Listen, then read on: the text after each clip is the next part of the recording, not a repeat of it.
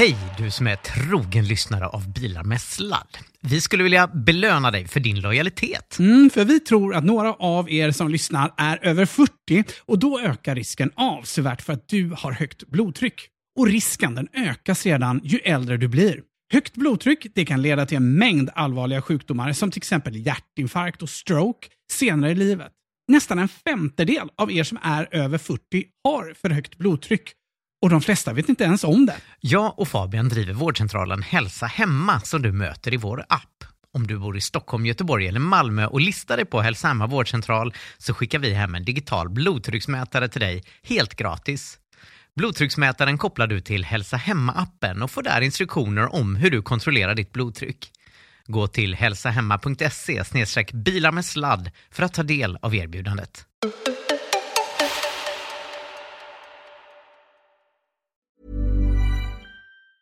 Hi, I'm Daniel, founder of Pretty Litter. Did you know cats tend to hide symptoms of sickness and pain? I learned this the hard way after losing my cat, Gingy. So I created Pretty Litter, a health monitoring litter that helps detect early signs of illness by changing colors, saving you money and potentially your cat's life. Pretty Litter is veterinarian developed, and it's the easiest way to keep tabs on your fur baby's health right at home. Go to prettylitter.com and use code ACAST for 20% off your first order and a free cat toy. Terms and conditions apply. See site for details. I'm Sandra, and I'm just the professional your small business was looking for. But you didn't hire me because you didn't use LinkedIn jobs. LinkedIn has professionals you can't find anywhere else, including those who aren't actively looking for a new job but might be open to the perfect role, like me. In a given month, over 70% of LinkedIn users don't visit other leading job sites. So if you're not looking on LinkedIn, you'll miss out on great candidates like Sandra. Start hiring professionals like a professional. Post your free job on linkedin.com/achieve slash achieve today. Many of us have those stubborn pounds that seem impossible to lose, no matter how good we eat or how hard we work out. My solution is PlushCare. PlushCare is a leading telehealth provider with doctors who are there for you day and night to partner with you in your weight loss journey. They can prescribe FDA-approved weight loss medications like Wagovi and Zepbound for those who qualify. Plus, they accept most insurance plans. To get started, visit plushcare.com slash weight loss. That's plushcare.com slash weight loss. Uh, min inspelning stoppade precis här. Det rullar ju på i molnet. I know, men det, jag behöver få igång den eh, en sekund.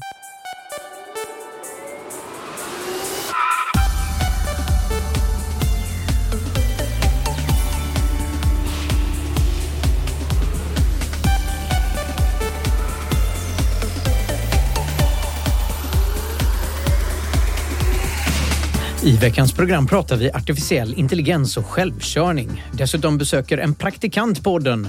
Vi hör om BYD Sil, Tesla-strejken och så hör vi om klimatomställningen vid ekvatorn. Allt detta och mycket mer i Nordens största miljö och elbilspodcast. Bilar med sladd. Wow, vi är igång. Det var fint att se dina händer där tycker jag under introt. Anders. Det, var, det, var, det var mycket gestikulering här. Ja, men det är lite, jag, är ju, jag håller på mycket med musik och så, så att det liksom, rytmen sitter i, i blodet. Det var antydan till mixsurfning här i början. Här. Vet ni vad det är för något? Mixsurfning? Nej, det får du gärna berätta. Inte koll. Eh, det är när man sitter i eh, livesändning. Det gör ju inte vi. Vi spelar ju in det här. Jag, jag är hemskt ledsen att avslöja det för, för alla lyssnare att det här är inspelat. Det är inte live. Men eh, det är när man liksom precis innan sändning försöker att säga, mass, prata med varandra och helst om man säger lite fula ord och sådär precis innan sändning. Och sen när lampan går på, då ska man vara liksom helt krisp och i sändning. Då. Ja, det. det är det. mixsurfning. Man liksom rubbar varandra i balans för att få det där spontana och naturliga. Ja, men typ. Ja. Det är väl det vi gör genom hela podden här annars. Ja, Praktikant, är det jag som besöker podden då? Eller? Nej, precis. Du har ju varit praktikant. Ja. Du, när var det du kom med? Var det 2020 eller något sånt där? Nej, jag kommer inte Nej. ihåg nu. Nej. Det var mycket senare tror jag. Herregud, det var det väl inte alls det. Det var ju, det var ju före pandemin. Det var det väl. Ja, okej. Ja, ja. Ja. Ja, Det känns som att det var igår. Du skulle precis få barn då, kommer jag ihåg. Hur gammal är Ivar nu? Ja, Ivar kom ju eh, november 2020 och jag var ju med långt innan eh, han Innan kom. dess. Just det. Mm. Mm. Ja, ja. Ja, vi har Men vem kommer ihåg det? 2016. Det inte- Eh, Men eh, hörni, jag har varit ute och rest. Ehm, och Då blir alltid lyssnarna så arga, för jag flyger ju. Men man kan väl säga så här att jag behöver i alla fall, likt eh, nästan 600 000 svenskar, eh, åka till Kanarieöarna varje år. Och det, det är väldigt viktigt. Det är ett behov jag har som, eh, som är väldigt viktigt. Ja. Du tänker att det, det är viktigare än liksom klimatkris och, och miljö och överlevnad och sådär? Mm. Jag vet, jag vet. Ja. Men hörni, eh, eftersom jag hade lite dåligt klimatsamvete så kan jag åtminstone säga att jag har gjort en liten klimatrapportering som jag eh, kan ta med mig hit i, i podden. Vill Mm. ni höra lite grann om eh, Kanarieöarnas eh, liksom, klimatomställning? Gärna. Det är väl en av de öarna som är helt självförsörjande väl, med, med vindkraft? Ja, totalt sett så ser det ganska risigt ut på Gran Canaria. För, Jaha. eh, för varje gång jag kommer så är det förvisso mer vind och mer solkraft. Eh, Det mesta av vind och sol ligger kring flygplatsen på Gran Canaria. Där, va? Och där är det ju ändå inte så jättekul miljö, mycket industriområde och så. Så att, jag tänker att det, där är det nog lätt att sätta upp det. Men det är eh, faktiskt så att jag, jag kunde inte se, inte på ett enda tak egentligen, förutom de här varmvattenanläggningarna de har på taken, så är det ju ingen som har solceller på taken. Noll i princip. Jag såg inte en enda. Liksom, så. Och det är Gran Canaria då? Man tycker ju att det borde vara rätt lönsamt Ja. nära ekvatorn. Ja. Ja, och det här är precis det är Gran Canaria. Där det, det gör väl inget annat än är soligt och blåser. Liksom. På år 2018 så stod eh, faktiskt oljekraftverken på eh, Kanarierna för 90 procent av all energi. Och Det ser säkert lite bättre ut eh, nu, men jag har inga nyare siffror än så, tyvärr. Jag tror att anledningen till att det går så långsamt på, på Gran Canaria har att göra med hur eh, liksom, de har byggt upp debiteringssystemet. Det är nämligen så att elpriset på eh, Kanarierna är egentligen två, tre gånger så högt än vad det är på det spanska fastlandet. Men ändå så betalar alla konsumenter i Spanien samma pris per kilowattimme för energiförbrukningen. För de har liksom ett, ett statligt utjämningssystem. Och det gör ju att det finns inget incitament överhuvudtaget att sätta upp egna solpaneler eller en egen eh, vindsnurra eller någonting. Hade man faktiskt betalat två, tre gånger mer så skulle jag vara om att det hade varit annorlunda. Ja, vad intressant. För sol och vind har ju verkligen framför allt hänt efter 2018. Så det, det känns som att det, det nog, kan nog vara en ganska liksom, stor förändring. Sen dess får man hoppas i alla fall. Den är inte synbar på ön kan jag säga i alla fall särskilt mycket. Utan de vindkraftverk och de solparker jag har sett tidigare är möjligtvis lite större. Men jag har inte liksom sett att det tillkommit sådär hemskt mycket mer. Men, men det pågår en hel del under ytan har jag lyckats läsa mig till. El Hierro heter den av Kanarieöarna som är helt självförsörjande. Så där har de byggt ett gäng riktigt stora vindkraftverk. Och sen när elen, när de har överskott på el, då, nattetid typiskt, så pumpar de upp vatten från havet upp i en eh, vulkan. Ja. Och sen eh, på dagarna då när det behövs mer el Ja. än vad vindkraften kan ge så har de vattenkraft då som, som eh, Har ni varit på El Hierro? Nej, jag har inte det. Jag den är läst väldigt okänd, den, Ja. den ön. Den är den minsta och ligger eh, västerut. Och under 2022 så körde faktiskt det här kombinerade vind och vattenkraftverket 100% förnybar energi. Eh, 18 dagar i sträck Mm. under januari, februari månad. Det är ju inte 365 kan man notera. Nej, Liksom. det är det inte. nej. Det är det inte. Men de, det är ju den ön som är bäst, men den är också väldigt liten. Mm. Ehm, Så till stor del är det nog ändå så att det är väldigt mycket oljekraft fortfarande på Kanarieöarna. Och Orsaken till det här är egentligen flera. Eh, dels så finns det ingen kabel mot fastlandet. Men det finns inte ens någon kabelanslutning mellan öarna heller. Förutom mellan Lanzarote och Fuerteventura. Så det innebär att det liksom finns sex isolerade strömnät. Och ingen utbyter ström med varandra eller med fastlandet. Och då kan man ju inte hjälpa till att balansera kostnaderna heller. Eh, och jag tycker att det här är intressant, inte bara för att jag har varit på Gran Canaria, utan för att det här är ett isolerat ösystem. Så det blir ju någon liksom, nation i miniatyr här, liksom, eller hur? Och dessutom har man väldigt goda förutsättningar, då, som sagt, för att eh, göra det här miljövänligt. Då. Och efter ganska lång tid av stopp i eh, utvecklingen av förnyelsebar energi på Kanarieöarna så är det nu ändå full fart. Och man har ett ambitiöst mål på att 45 procent ska vara eh, förnybart 2025. 45, och det kallar man ambitiöst enligt Kanariajournalen där det mesta av det här kommer ifrån. Lite tveksam källa, men jag har inte hittat någon annan källa. Det är en blogg som är svensk drivet tror jag. Eh, det är många svenskar på Kanarieöarna. Men hur ska de lagra elen som eh, de producerar då? Ja, det är ju då frågan. För på natten så blåser det kanske förvisso, men det är ju i alla fall inte soligt. Så på något sätt måste man ju lagra det här. Då. Och man har stora energibehov eftersom det är ju stora turistparadis detta. Just det. Ju. Så det är ju liksom eh, mycket AC och sådär som ska drivas. Då. Men för det, är väl, för det som är fint med AC är väl att det går ju framförallt på dagen när solen också lyser. Ja, liksom. det har du faktiskt rätt i också. Precis. Men man borde, det finns säkert mycket energioptimering här också. eh, så sätt då. Men eh, det finns då ett projekt som har varit på gång i över över 20 år. Och Det är en utbyggnad av en eh, stor, eller egentligen två stora eh, vattendammar för, eh, som idag används för eh, färskvatten och för vatten till odlingar och sådär på ön. Mm. Eh, och Det här är jättestora dammar. De är så stora att de faktiskt aldrig har varit fyllda mm. helt och hållet. Är de också högt belägna så att det är som El Hierro där? Ja, det är ju vulkanöar det här. Så mm. det är ju klart ja. att det, liksom, det, finns ju höjder att, att jobba mm. med här. Då.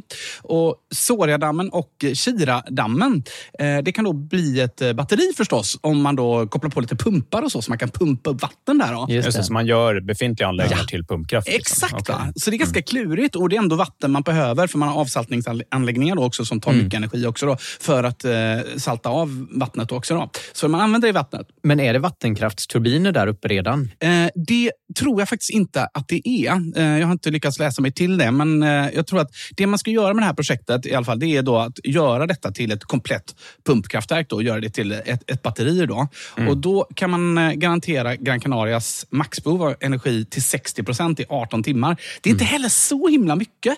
Det täcker ungefär 20 procent av liksom hela produktionen på Gran Canaria. Så de, de behöver nog ganska mycket ström den ön, skulle jag tro. Mm. Så. Mm. Ehm, men man bygger ju inga nya dammar här. Det är intressant. Har, ni, har ni koll på det här med liksom, problem med Panamakanalen? Eh, Nej. Det känns lite besläktat med det här. Det, alltså, det är ju, eh, när de byggde Panamakanalen så de misslyckades ju först med att bygga den kanalen liksom, på 1800-talet. Liksom. Mm. Eh, och sen så när de till slut löste det, liksom, den, den, tekniska lösningen de gjorde var att de använde två befintliga sjöar liksom, som är liksom också dricksvattentäkt för, för Just Panama. Just det. Så då har man liksom byggt kanalen så att man eh, mitt i landet så kommer man till de här sjöarna och så åker fartygen över sjöarna. Mm. Men, men, problemet de har det är att varje gång de slussar de här stora mm. fartygen så tappar de ju vatten ah. ur sjöarna. Så ju mer båtar som åker, desto mer vatten rinner Exakt, ur sjöarna. Ja. Och nu har liksom klimatförändringarna lett till att det är jättetorka. Så att vattennivån bara sjunker och sjunker. Mm. Eh, och de kan, de kan liksom inte... Ja, men torrlägger de sjöarna, ja, då går det inte att köra fartygen såklart. Nej, men det är också katastrof då, ur drickvattenperspektiv. Eh. Så det blir så här, man tänker ju att vadå, det är väl, det är väl ett nollsummespel när man håller på att slussa. Bara, nej, just det. Från den högsta punkten där de här sjöarna mm. är, det vattnet rinner ut i havet och det kan ju inte ersättas med havsvatten. Nej. För då, det ska ju vara färskvatten. Nej, det. Där, liksom. det är riktigt mycket vatten också de pumpar in i de där slussarna för att ja, få ut de stora jättebåtarna. Ja, det är ju så stora båtar. Mm, liksom. Och redan nu så har de ju fått skära ner på hur många båtar de kan släppa igenom och mm. hur tungt lastade de mm. båtarna får vara, just för att de inte ska gå lika djupt. Så att de kan minimera hur mycket de måste fylla slussarna. Just. Just det. Och de kan ju då, då, inte pumpa in havsvatten i de där sjöarna heller, för att då sabbar de ju dricksvatten. Nej, det går ju definitivt inte. Nej, nej exakt. Mm. och det blir ju så här, det, kanske, alltså, det blir så konstigt. Och så här, då måste vi lägga energi på att typ avsalta havsvatten ja. för att kunna pumpa... Ja, ni, ni fattar, liksom. ja. det, blir så, det blir så konstiga spiraleffekter på sådana här förändringar. Liksom. Så till skillnad från Panamakanalen så kan jag meddela att det här är då ett helt slutet system. Så det här är ju avsaltat vatten eller eh, regnvatten, så det är sötvatten som man är väldigt rädd om på ön mm. då förstås. Så det häller man ju givetvis inte ut när man producerar eh, eh någon, någon el här, utan det rinner ner och så, gör man, eh, så sparar man det på nedersidan och så pumpar man upp det igen. Då. Och faktum är att 91 procent av eh, den här infrastrukturen kommer ligga under jord. Mm. Och Det beror på att det har ju inte varit helt utan gnissel när man bygger såna här stora saker förstås det är ett jätte, jätteprojekt här på Gran Canaria. Mm. Faktiskt Gran Canarias största infrastrukturprojekt någonsin i pengar mätt. Eh, så folk har ju samlats i Facebookgrupper förstås och diskuterat projektet. Ehm, men en del av kritiken är ändå rätt rimlig. För man har liksom sagt, ja men vänta nu, batterier är ju på gång här. Liksom. Vi ska mm. bara lagra över natten för guds skull. Ja. Så komplicerat kan det ju inte vara. Liksom. Måste vi verkligen göra hela det här? Men nu är det i alla fall genomklubbat att det ska göras mm. och man har då fått pengar från EU. Och Projektet har en budget på 585 miljoner euro. Eh, mm. Så det är ju en jättebudget man har. Och Det här gör ju då som sagt inte Gran Canaria helt eh, självförsörjande ens, utan man behöver fortfarande sin oljekraft. Då. Ja. Ehm, du, Alfred, du som har koll på det här med gigawattimmar och så. Man har en lagringskapacitet på 3,6 gigawattimmar i det här systemet. Mm. Vad säger det dig? Ja, men, eh, jag har ju räknat en del på svenska mm. förhållanden och det, liksom, det, krävs ju åtskilliga anläggningar i gigawattimme-klass mm. för att man ska kunna liksom börja se att det finns en buffert för energibehovet liksom, över lång tid. Mm. Annars när man bygger batterilager idag så handlar det framförallt om att täcka effektbehovet för stunden. Mm. Liksom, att kunna skala, skala bort effekttoppar och så mm. vidare och stödja upp nätet när det, när det behövs plötsligt. Liksom. Det. det. man kan tänka är väl att så här, de allra största batterianläggningarna som byggs nu, de de är liksom de allra, allra största, då är de liksom uppe och nosar på vad en gigawattimme. Mm. Så det här är ju liksom då, ja men, som, som fyra stora riktigt stora batterianläggningar, skulle man kunna säga. Mm.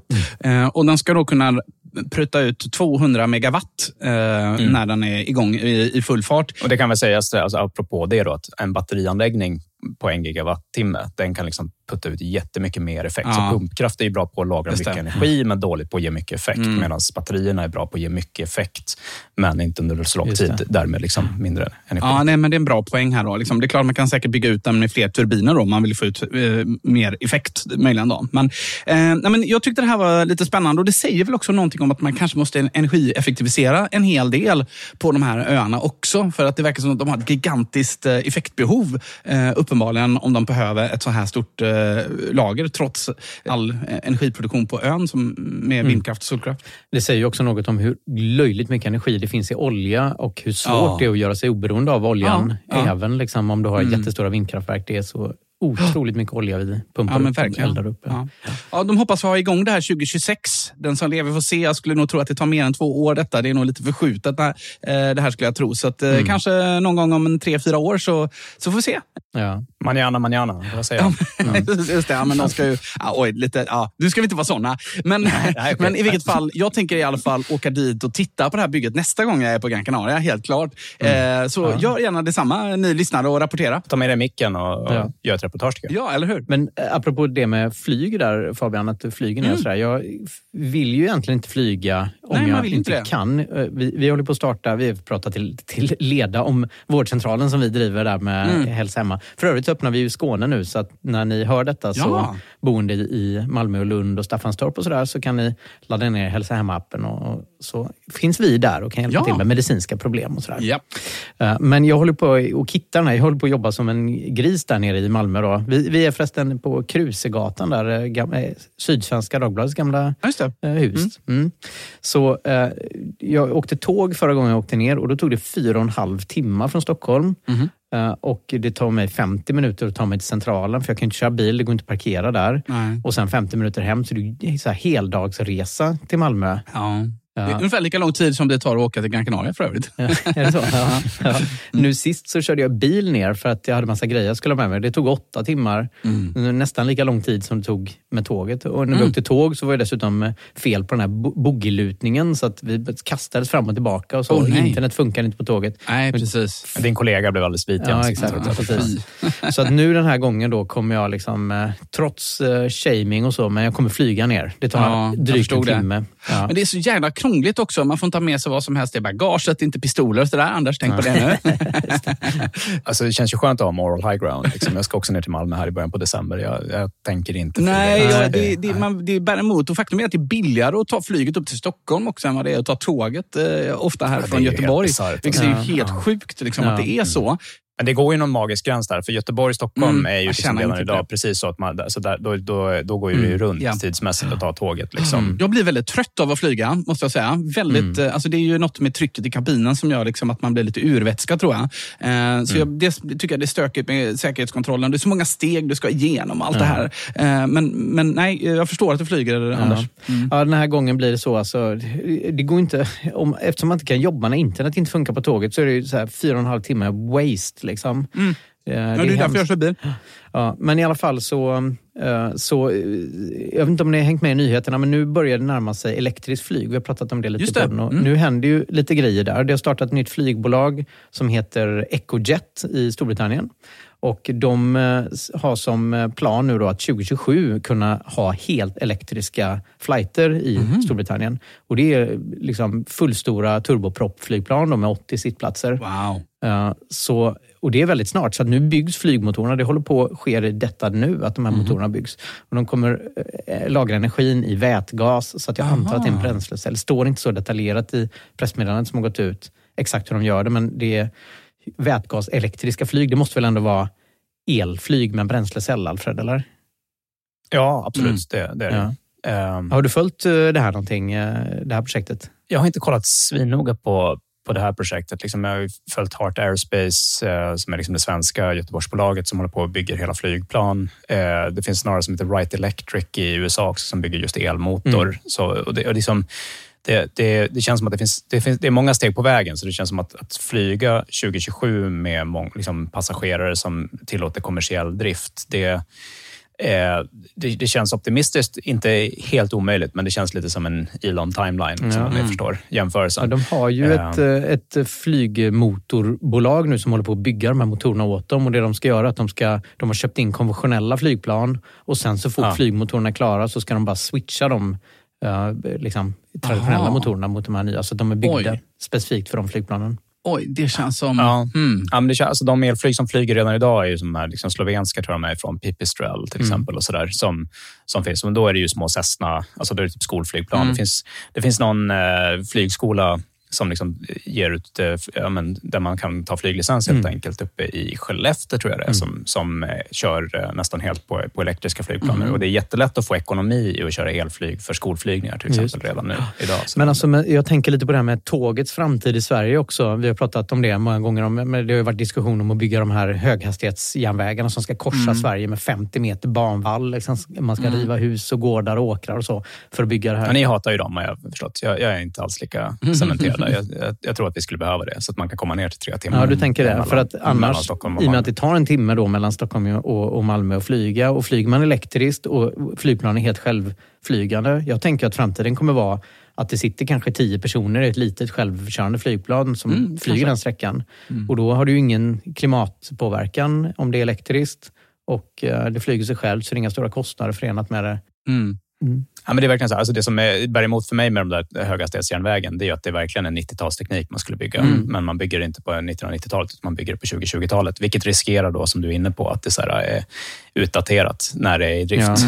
någon gång in på 2030-talet. Men du är ändå liksom. positiv. Men, du tänker att bygga järnväg genom landet på det sättet, sådana stora... Jag tänker att vi borde ha gjort det mycket tidigare mm. och frågan är om det nu är för sent. Mm. Men eh, det, det, är liksom lite riskabelt, som du själv är inne på. Du måste flyga till Malmö. Liksom. Mm. Det, det, är ett ganska tydligt tecken på varför vi hade behövt den här tekniken på plats. Jag tror att det hade varit samhällsekonomiskt lönsamt att göra det redan på 1990-talet. Liksom. Man har ju, jag har ehm. tittat på det här, vi har pratat om det i podden om, i omgångar och jag har tittat på lite hur, hur förslagen ser ut och det ligger det, det förslag som ligger närmast till hands tror jag är att man bygger det på så kallade pyloner, det vill säga Eh, upp i luften på pinnar. Ja. För då behöver du inte... Det är så mycket lättare att skära genom landet då och bygga raka sträckor. När du får ja, det blir inte samma typ av ekobarriär. Och det är de kinesiska aktörerna som har fått ner priset väsentligt mm. på att bygga på det sättet. Liksom. Mm man, det, det, blir lite mer, då kan man prefabricera många av elementen, ja. för det blir samma Aha. förutsättningar överallt och så vidare. Ja. Som gör det, det Jag tänkte annars att det skulle vara mycket dyrare att ha liksom, tåget upp i luften. Ja, det låter ju galet. Liksom. Men, men banvall mm. är jättedyrt också.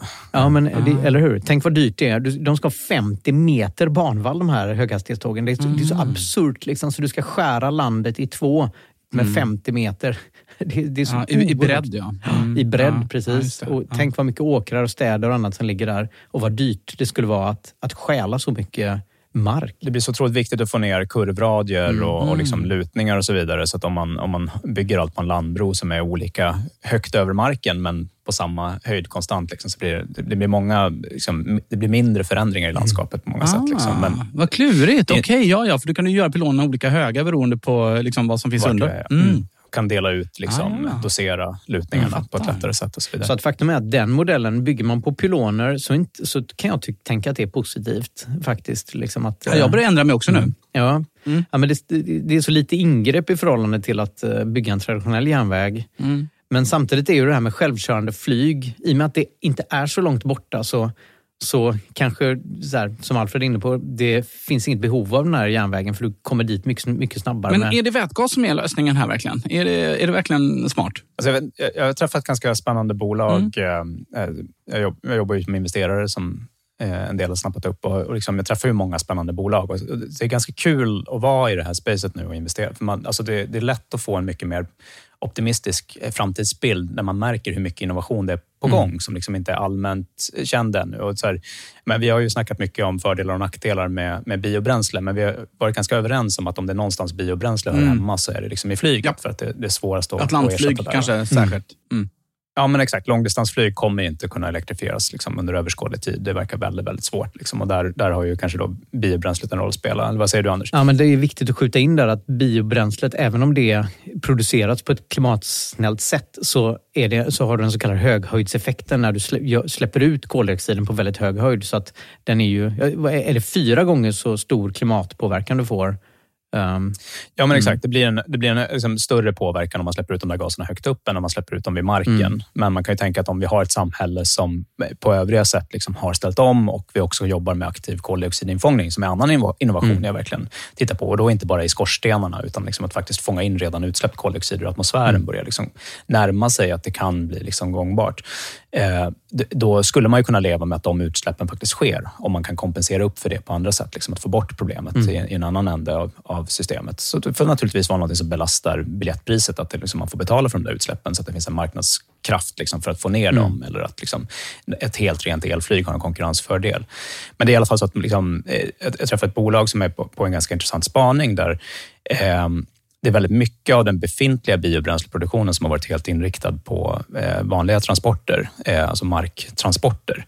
Och eh, de hade då liksom bra teknik för att kunna göra flygbränsle av skog egentligen. Mm. Eh, början då. Och eh, göra det väldigt energieffektivt jämfört med de nuvarande processerna. Mm. För det blir liksom nästa fråga. Hur mycket energi kostar det att förvandla eh, liksom råvaran till färdigt bränsle?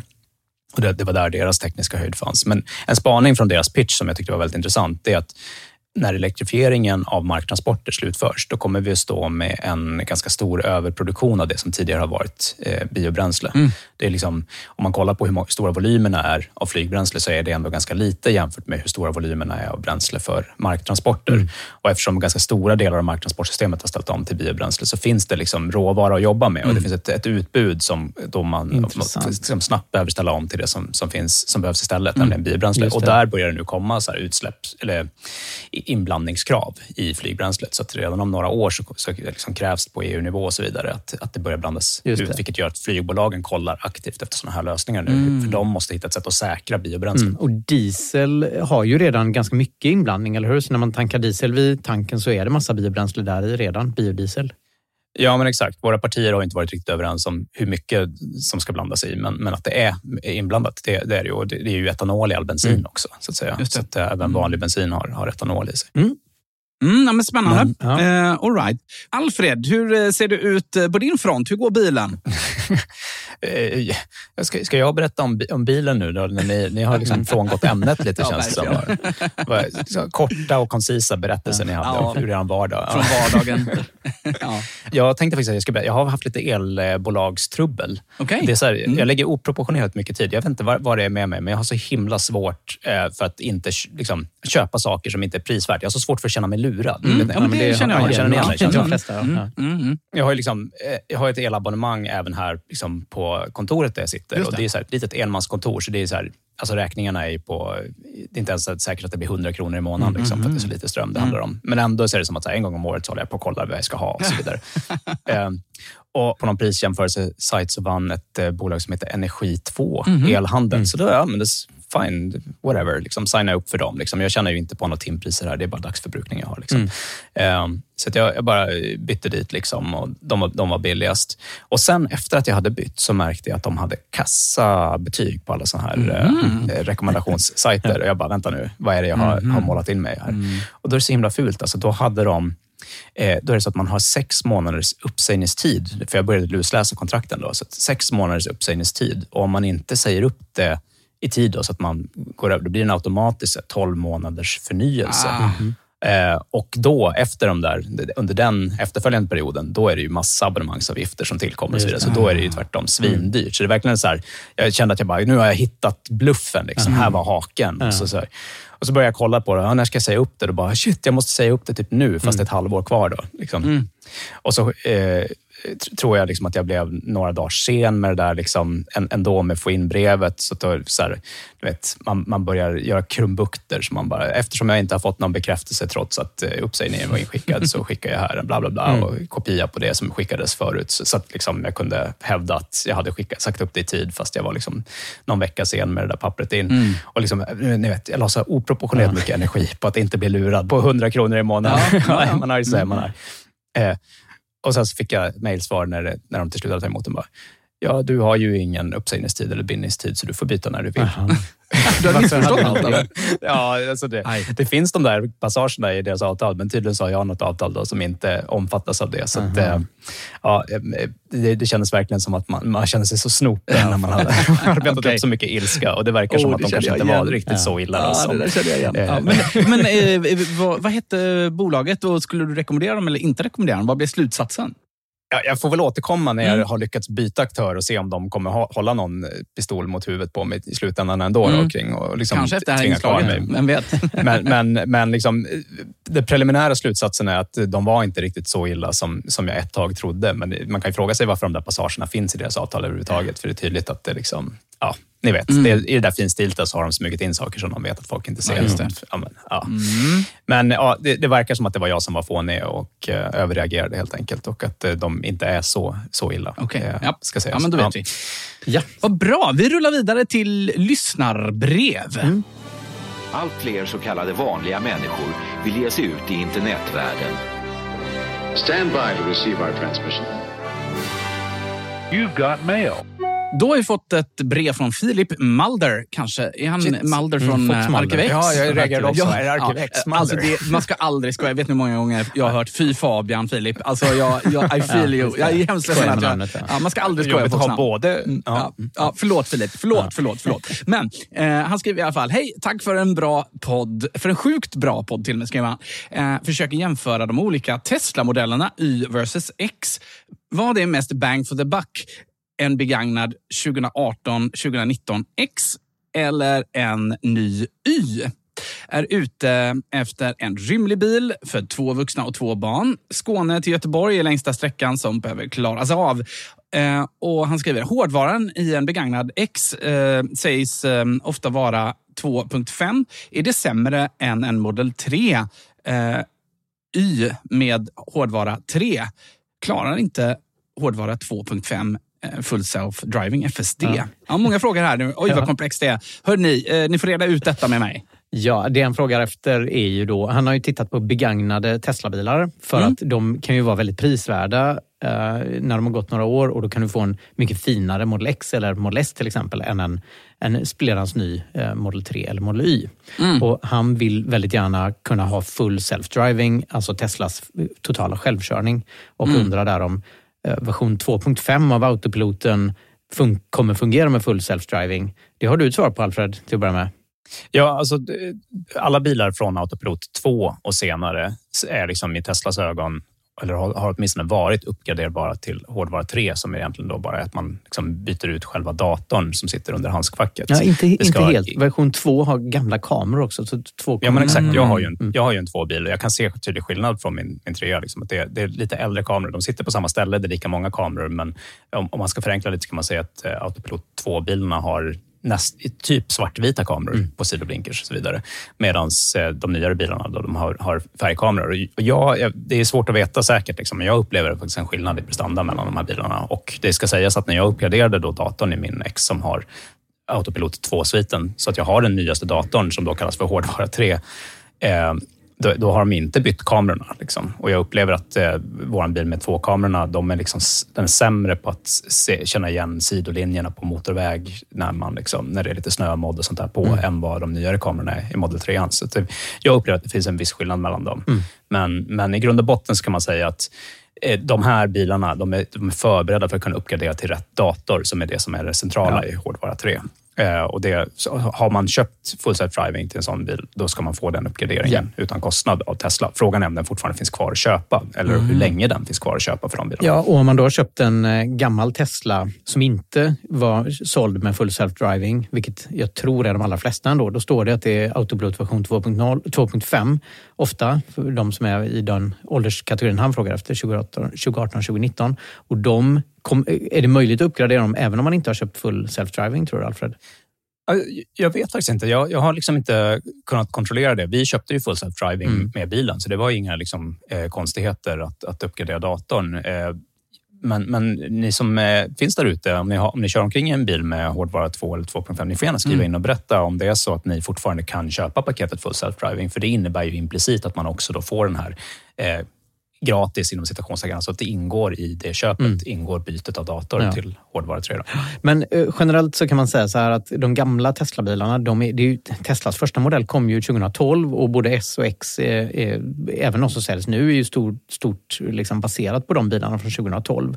Och Tesla var ju då en helt ny biltillverkare och hade en del problem som andra biltillverkare inte har. Liksom med Eh, krängningshämmare och mm. luftfjädring och länkarmar och annat. Jag har ju åkt på en del dyra reparationer på min Model X. Mm. Mm. Så att köper man en Model Y nu så får du en modernare och bättre bil än en begagnad S och X, menar jag i mm. alla fall. Jag vet inte vad ni mm. säger. Ja, men jag tror eh, egentligen samma sak. Det är, det är ju roliga bilar, både S och X nu. Och de är ju uppgraderade med allt eh, lullull omkring, men det mm. är ju en äldre plattform. Mm. Det, jag menar, Tesla var först ut på elektrifieringsbanan och det är väl 2012 eller något sånt. Den kom, den plattformen. Mm. Så den, den har ett par år på, på nacken. Ja, Ja, det ska vi säga, alltså, de årgångarna av Model S och X som han pratar om, det är ju den här Raven-årgången mm. som verkligen liksom har uppskattats av sina kunder. Den har väldigt, väldigt mycket högre komfort än, än vår generation av Model S och X. Mm. Eh, Anders, mm. som vi kör omkring ja. i. Luftfjädringen blev förbättrad och så vidare. Men, men man får nog tänka att det kommer vara lite högre underhållskostnader på en S och en X jämfört med en eh, Model 3 eller Y. Mm. Och det syns också på försäkringspriset. För försäkringsbolagen är de som ofta får fota notan där liksom, och, och liksom betala för kalaset. Och det syns på räkningen i försäkringen. Det. det är jättedyrt med försäkring på Model S. Och sen när det gäller mjukvaran till eh, Model X och S och den gamla typen så får ju inte den samma mjukvaruuppdateringar som de nya bilarna Model Y och Nej, just det. 3. Det är en viktig aspekt. Ja, så mm. där för min del har det i stort sett avstannat. Jag får lite mindre mjukvaruuppdateringar men inga, de, inte de här stora paketen med massa nya funktioner som fortfarande kommer ja, till de nya. Alltså det kommer ju fortfarande paket mm. som man, man installerar, men då är det massa funktioner som kommer ut i de nya bilarna som helt enkelt inte byggs för, för våra med stående skärm. Precis. Men anledningen till att det kan vara intressant att fundera på det här eh, är ju då det här med full självkörning av bilar. Hur långt bort ligger det egentligen? Liksom, är det ens värt att mm. fundera på full self-driving och, och, betala för det? Vi ska det? komma in på det mm. faktiskt. Mm. Lite senare i programmet ah, ska vi prata state of uh, self-driving. Exakt. Mm. Mm. Så jag tänkte bara fram tills vi kommer, bara för att hålla lyssnarna lite på halster, så jag klistrar in om ni scrollar ner där, det är lite dålig radio, men Eh, en, en graf. Det är ett analysföretag som heter Global Data som har förutspått när full mm. självkörning kommer komma. Liksom. Mm. Just det, det verkar som att det, man ska skapa en resumé av, av vad den här, det här diagrammet visar. Då. Så det är ett stapeldiagram mellan liksom hur många bilar som har teknik för självkörning och så kan man se att det, så här, ja, men det har, under de senaste åren så har det ökat kraftigt hur många som har level 2 självkörning, mm. då, vilket ju är egentligen vad alla mm. tillverkare eh, av hävd liksom erbjuder nu. Men alltså, förlåt om jag frågar, men är, inte, är det här samma panel som de som hade Car of the Year? Ja, man skulle kunna tro att de ja. skulle tycka om Jeep Wrangler. Eller ja. vad ja, exakt. De spår att 2036 så tror de att de första bilarna med självkörning, full självkörning kommer dyka upp och då i väldigt liten grad. Mm. Men vi vet ju att innovation funkar inte på det sättet utan när det kommer en ny innovation så har du en S-kurva. Mm. Så du får den här, eh, sticker iväg den här hockeystick-kurvan liksom, så att mm. det kommer gå väldigt fort när den här tekniken väl finns på plats. Ja, och den viktigare poängen här är ju också liksom att eh, all, all sån här teknik som när det handlar om AI så är det super, super svårt att se precis innan ett stort genombrott, mm. när det där genombrottet ska komma. Så det, det, är mm. väldigt, väldigt svårt att, att, prognostisera, vilket gör att det är dels ganska meningslöst att prognostisera vart vi ska vara 2036, ja. som de här personerna har gett sig på. Då. Och Det var liksom ingen som förutspådde ChatGPT för ett och ett halvt år sedan direkt, kan man säga. Nej, men exakt. Det är viktigt att komma ihåg att alltså, GPT överraskade även OpenAI själva. Mm. exakt. De visste inte själva innan de slog på liksom, när de har tränat mm. nya nätverk. Vad har den egentligen för förmågor? Ja. Det visar sig liksom först efteråt. Vi kommer strax eh, prata mer om, om OpenAI. Det oh, jag tänkte det. Jag hoppades ja. att vi skulle göra det. Ja, men det, precis, det kommer lite. Vdn som avgick. Och... AI är mm. helt fantastiskt bra. De som inte har testat ChatGPT ja, nej, kan inte fatta hur häftig den här AI-revolutionen är. Nej. Och det är, ganska, det är inte svårt att tänka sig när man har labbat med de här teknikerna att mm. full självkörning av artificiell intelligens inte alls är långt borta. Mm. Nej, det, är, ja. det, är, det är otroligt. Jag fick såna goosebumps ja. när jag körde ChatGPT första gången. Det var, det var helt otroligt. Det var rätt roligt för att jag, jag, jag hade ju labbat lite med det och jag var också helt blown away när jag började mm. labba med ChatGPT. Ja. Och sen så, du hade inte gjort det Fabian. Så här, Nej, jag hade sagt att du måste gå in och kolla. Liksom. Och sen när du väl varit inne, jag fick några sms med stora bokstäver. Bara, det här är ju helt otroligt. Liksom. Jag, jag var ganska säker på att jag skulle kunna ha meningsfull kommunikation med en, en dator, inte bara mm. med er, liksom, Nej, någon gång i veckan. Men att det skulle hända under min livstid, det var jag ganska ganska säker på. Men att det skulle hända liksom, det närmsta året, det hade jag inte riktigt eh, förutsett kan jag säga. Men hörni, nu får vi inte sno vår egen thunder här. Nej. utan Okej, nu, okej, vi har fått mer mejl, eller hur? Ja, precis. Ja, då är det Viktor Johansson som skriver till oss. eh, Hej bilar med sladd. Hoppas att ni har det bra. Jag ska åka till USA och faktiskt testköra Passion 8s senaste självkörande elbil. Skulle det vara kul om jag gör ett snabbt inslag om det? Låt mig veta i så fall. Ha det gött. Viktor. Och sen så har du svarat Anders. Ja, nej, men det var ju jättekul att han ville provköra eh, liksom, eh, självkörande bilar och intervjua dem. Mm. Så, så att självklart fick han göra ett inslag. Så Mm. att det har han gjort och han är faktiskt med oss på telefon från Chicago också. Eh, vi hade Mm. lite kontakt här innan. Ska se om han är kvar. Hörde oss Viktor nu eller? Ja, det är lite fördröjning, men jag hör er. Grymt roligt att du mejlade oss, Viktor. Du har ju faktiskt gjort ett inslag som vi ska lyssna på alldeles strax. Hur, hur kändes det att låta ett AI köra runt på dig? Sådär? Kände du att du kunde lita på bilen? Ja, men jag måste bara säga, så sjukt kul att få vara med i programmet. Ja, det är bara kul att ha med dig. Eh, Du, du har ju gjort ett inslag eh, och jag vet att eh, Anders har ju hjälpt dig lite med redigeringen. Men ska vi inte ta och lyssna på det? Ja, vi kör! All travelers with flight F901 to Chicago, please go to gate B721. Det är onsdag, tidigt på morgonen, men jag kliver upp ändå. Kroppen spritter av entusiasm. Jag ska nämligen flyga till USA och titta på den nya elbilen Passion 8. En av världens första helt självkörande bilar. Som i vår kommer till Sverige. Jag heter Viktor och kommer under vintern rapportera från USA och den explosion av nya elbilar som kommer därifrån. Passion 8 kommer börja säljas i Sverige i april och är tänkt för den som inte vill köra sin bil själv. I EU förväntas nämligen fullständig självkörning tillåtas under nästa år och biltillverkarna slåss nu om vem som hinner först med helt självkörande bilar till marknaden. Excuse me, Mr. Lundberg? Yes. Charlotte? Yeah. Oh, welcome to Chicago. Did you get your bags already? På O'Hare International Airport i Chicago möts jag av Charlotte Fang som är assistent åt Adam Verlis, grundare av Passion Automotive. Was the flight okay?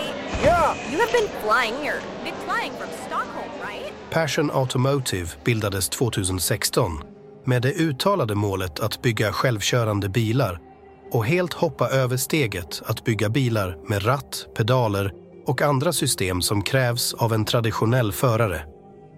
Lösningen stavas artificiell intelligens. Jag följer Charlotte ut ur flygplatsen. Passion, eh? Of course. Och där utanför den enorma terminalbyggnaden står den Passion 8. Världens första helt självkörande elbil som kan köras på allmänna vägar.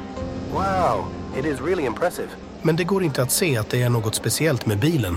Den ser ut som vilken modern sportig crossover som helst. Och hur den är att köra, det ska vi höra alldeles strax.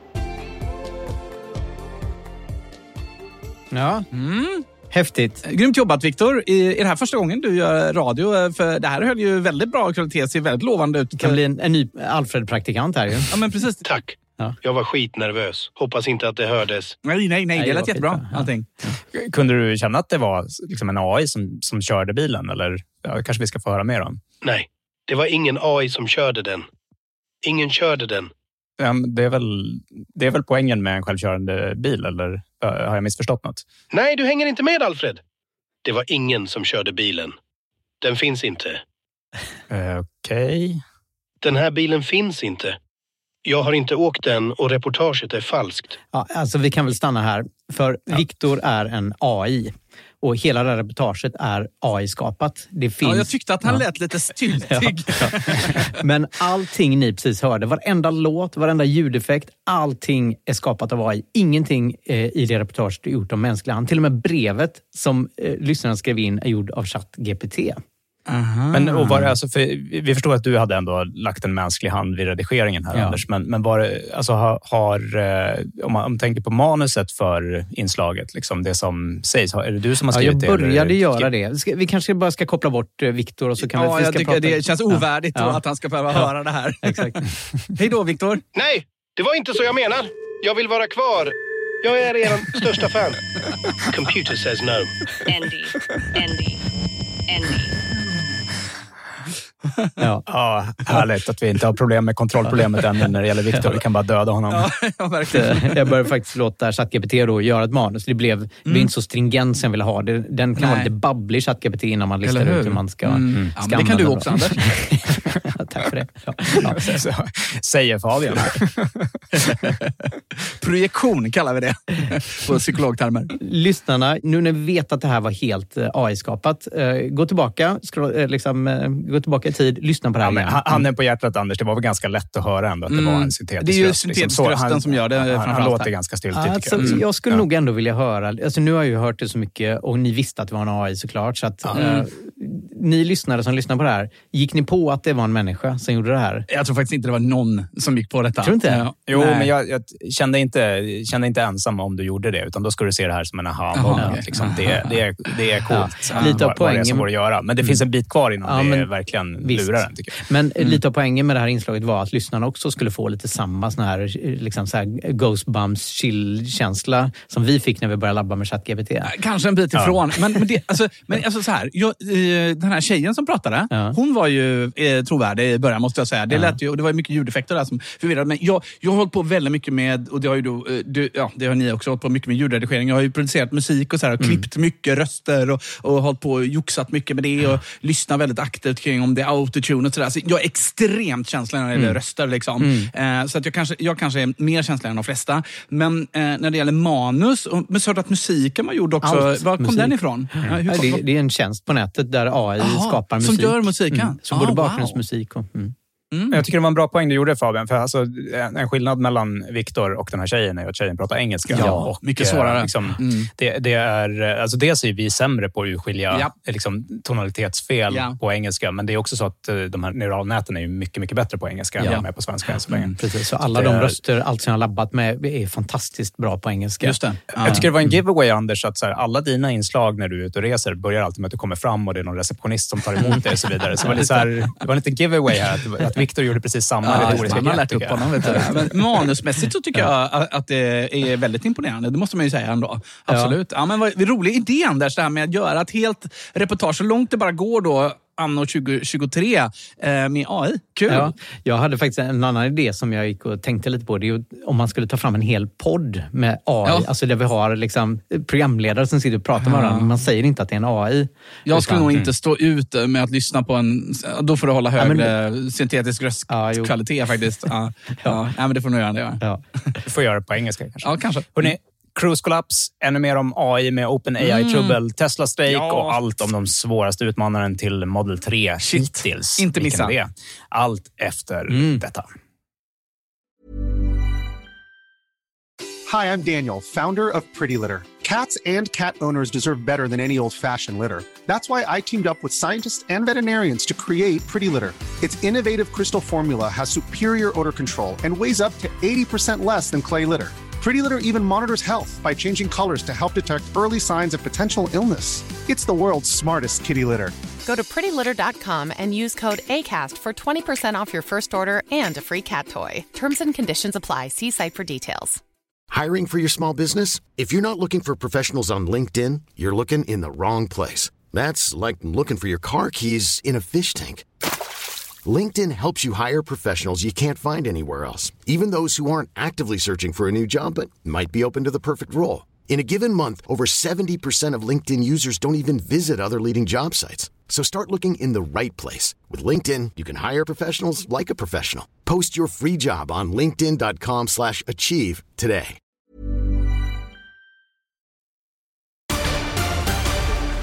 Ja, hur går det egentligen för de självkörande bilarna? Jag tänkte att vi skulle följa upp. Vi har ju varit på ämnet många gånger och eh, trots nyhetsläget med Tesla-strejken så ger till tåls. Det kommer om Tesla-strejken också. Men när det gäller självkörningen så är Tesla på gång nu med FSD 12 som de kallar det, som är den här första generationen av Teslas full self-driving-paket som är så, så att säga AI end-to-end. Fotoner in, rattutslag ut, Mm. liksom är, är någonstans tanken. Det finns bara neurala nät däremellan. Medan det hittills har ju varit så att de har liksom tolkat verkligheten med neurala nät och sen programmerat lite mer som man programmerar ett dataspel, hur bilen sen ska köra. Eh, Elon beskriver själv det här som eh, feels like a human eh, och det är väl verkligen upp till bevis nu får man lov att säga. Det har i alla fall börjat rulla ut den här mjukvaran nu då, till eh, anställda på Tesla så att får se om det hinner komma en bredare släpp innan året är slut. Och Det finns också en del tecken på att Tesla faktiskt är på väg att kunna börja rulla ut FSD i Kina. Mm. Eh, där finns det redan ganska hård konkurrens med att, faktiskt, när, man, när man kollar upp hur många, vilka, vilka som är de stora på marknaden för självkörning i, i Kina så kan man hitta så här, de, the top 125 companies. Liksom, att det, så här, mm.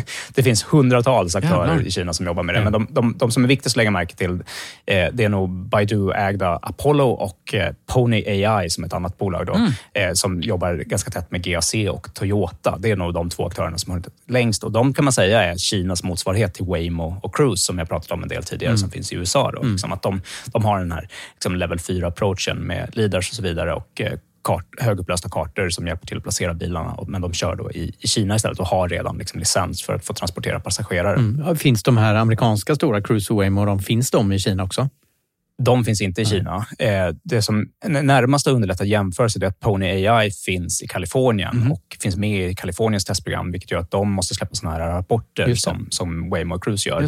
Och där presterar Pony AI ganska bra. Mm. Inte riktigt på nivå med, med Waymo och, och Cruise, men, mm. men liksom, de verkar ändå ligga långt framme, så det finns på riktigt. Mm. Liksom. Det, det, går att liksom validera. Jag får bara förklara det där för lyssnarna. Så Kalifornien har en särlagstiftning när det gäller självkörning som innebär att biltillverkarna får köra på kaliforniska mm. vägar med full självkörning mot att de skickar in rapporter hela tiden till mm. eh, government. Ja, de får inte köra utan testförare nej, hur som nej. helst, men de, de, de får testa eh, tekniken med mm. förare i bilen och eh, sen ska de skicka in mm. sådana rapporter och det är det som liksom bidrar till att bilda ett underlag för att sen kunna få tillstånd att köra helt Precis. utan förare. Och de här rapporterna är, är offentliga, så att därför så om man vill veta hur det går för självkörning i världen så kan man titta just på de här rapporterna som de skickar in i Kalifornien och se hur väl hur lite eh, människor behöver interagera med liksom, eh, datorn för att eh, det, ja, det ska funka att köra med dem där.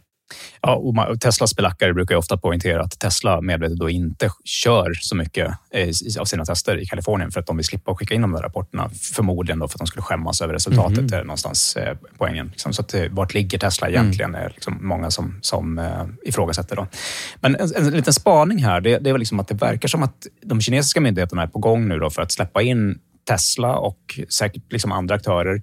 Eh, att, alltså, om man tänker på hur de har gjort med biltillverkningen så tror jag att det var viktigt för dem. Att, en av anledningarna till varför Tesla kunde få vara ett, ett, helägt, en helägt, ett helägt dotterbolag som tillverkar bilar i Kina tror jag mycket handlar om att de vill se till att ha den hårdaste konkurrensen på hemmaplan mm. där de lokala aktörerna har andra fördelar. Vilket liksom är det som bidrar och säkerställer att om de är konkurrenskraftiga på hemmamarknaden så är bilarna liksom bra nog också på, på annat mm. håll. Eh, och det, det, känns som att det kan finnas en poäng här i att Kina är på väg att göra lite detsamma med självkörningsteknik här nu. Mm. Att se mhm. till att ha den, den liksom mest konkurrensutsatta marknaden hemma mm. så att man liksom inte, ja det funkar hemma men sen går det inte att mm. exportera. Mm. Liksom. Om man får lov att vara lite konspiratorisk kan man ju tänka sig att de släpper in Tesla för att eh, då, fin, då ser man, får de liksom ett se hur Tesla gör det här i resten av mm. världen. Det blir mycket svårare och, och liksom, ja. om man ska kopiera konkurrenterna att uh, åka över dammen. Liksom, för att, uh, ja, men verkligen. Och det, liksom, det här är väl uh, liksom, Alltså, båda de perspektiven gör det ju liksom ännu mer problematiskt att vi i Europa verkligen ligger efter här. Och mm. Vi har ju mm. rapporterat tidigare att det här regelverket som ska bana väg för bilar med högre nivåer av självkörning än SAE Level 2 som, pratat, som är det som finns nu. Mm. Vi har ju pratat om det i tidigare avsnitt. Det ska förhoppningsvis klubbas inom UNECE, e, som är den här liksom undergrenen till FN, i början på nästa mm. år. Mm. Vilket i sin tur gör att EU kan göra en förordning, vilket i sin tur ska leda till att medlemsländerna kan implementera det i sin egen lagstiftning. Vilket ger vid handen att det nog kanske kan dröja till 2025 innan liksom det kommer ut i trafik i, i, inom EU. Eh, du har varit mer optimistisk tidigare, Anders. Jag vet inte, hur, hur känns det? Ja, jag, hade ju, jag läste ju lite. Det här är ju då väldigt prioriterat av EU, har jag förstått. Biltillverkarna trycker på för att få ut det här. Och eh, det förslaget som var tänkt att klubbas i september, som sen inte blev klubbat, skulle kunna leda mm. till att de fick lov att släppa det här trafik i, tidigast i januari 24. Och, ja. eh, så att det är ju liksom den snabbaste tidslinjen som man kunde tänka sig. Nu när det inte blir klubbat förrän i januari så kanske man kan tänka sig juni eller någonting sånt som tidigast. Och då kanske det kommer i, i liksom september kanske nästa år. Mm. Ja, men exakt. Tågordningen brukar ju vara liksom att EU gör en förordning och så finns det i den förordningen en viss tid på sig som medlemsländerna har på sig att implementera det i egen lagstiftning. Och det är när det är klart där som det faktiskt når oss ja. vanliga dödliga. Liksom. Men det skulle ju kunna vara så här att medlemsländerna faktiskt går före. Så fort de ser de här reglerna från UNECE så kanske de skyndar sig och vara förberedda så att de kan agera blixtsnabbt när eh, väl EU-förordningen kommer. ja, exempel. fast det, det, finns, du har både liksom förordningar eh, och, och förordningarna tror jag är faktiskt sådana att de är gällande lag direkt. Så vissa av de här, till exempel GDPR, är ju inte en lag som vi har tagit in i svensk lagstiftning utan det är en EU-lag som gäller för hela EU. Medan uh, i privacy-direktivet, det här som gör att man måste cookie, du ska trycka på alla cookie-knappar, det är ett direktiv som sedan implementerats i, i nationell lag. Så det, det, om det är en förordning så så gäller den direkt i hela EU när den klubbas. Okay. Är, det en, mm. är det direktiv så är det liksom, då dirigerar man lokala så här direktiv säger hur man ska implementera mm. lokal lag. Just det, okej. Okay. Ja, det, det, är bra att eh, få en EU-lektion mm. här. Det, det, det, är en, det är en djungel att hålla reda på. Det är svårt att veta när, någonting de har bestämt faktiskt gäller. Ja. Liksom, för det är så många led. Ja, ja, det har historiskt varit svårt för Anders också, ska vi ja, kanske också ja. ärligt talat säga. Mm. Nej, men är det en förordning så börjar det gälla när den klubbas i EU. Så är det. Mm. Eh, eller direktiv Några som i alla fall redan har gått före, det är ju Tyskland mm. då, som har skapat utrymme för Mercedes att lansera, som jag också rapporterat om tidigare, då, sin level 3-teknik, mm, vilket då gör att mm. föraren kan släppa uppmärksamheten. Det får, föraren får vara ouppmärksam under vissa förhållanden. Det där skulle man väldigt gärna vilja provköra. Ja, absolut. Mm. Men det är ju då väldigt begränsade förhållanden. Ah. Det är motorväg och det är upp till 60 kilometer i timmen, vilket gör att vi alla förstår att det handlar om kökörning ah. på motorväg. Helt ah. Det som är nytt nu då, det är att BMW har faktiskt hakat på och erbjuder nu liksom, som ett tillval på sina dyraste bilar så kan man få samma sak som i Mercedes. Så det börjar ju liksom finnas en kamp där mellan tyskarna och någonting som man får se egentligen. Alltså det, det känns som att de har ju prioriterat att optimera motorvägskörning, mm. att göra det så bra som möjligt. Medan Tesla har ju verkligen valt en annan väg, att skita i och egentligen vidareutveckla långdistanskörning innan de har löst hela problemet. Liksom. Att de försöker få stadstrafik att funka innan de får något som åtminstone ur mitt perspektiv borde vara enklare, mm. nämligen att bli ännu bättre på långresa än vad de redan ja. är. Um, mest spännande här hemma i Sverige tycker jag faktiskt att och det borde vi rapportera mer om. Mm. Einrides utveckling, det är ju ett svenskt bolag från början. De har ju tidigare startat sina provkörningar med självkörande lastbilar. Mm. Eh, först på privat inhägnat område och sen så i, i även då i samarbete med kunder. Men sen har de ju även tagit sig utanför stängslet och börjat rulla på offentliga mm. vägar. Mm. Och nu är det faktiskt så att de är i kommersiell drift i USA. Mm. Det är General Electric som använder de här lastbilarna för transport mellan sitt lager och en fabrik. På allmän väg? Eh, på allmän väg mellan lagret och fabriken. Oj, wow. Det ska sägas att det är en ganska blygsam sträcka. Det rör sig om en halv kilometer. 500 meter alltså. Mm. så det, det, är inte så imponerande rent tekniskt ur det perspektivet, men mm. det sätter fingret på en väldigt intressant aspekt med Einreds affärsmodell. För det finns ju massor av sådana korta ah. transporter där lastbilarna går i princip i skytteltrafik. Ah. Och de här är ju såklart lågt hängande frukter, både vad gäller automation men också elektrifiering.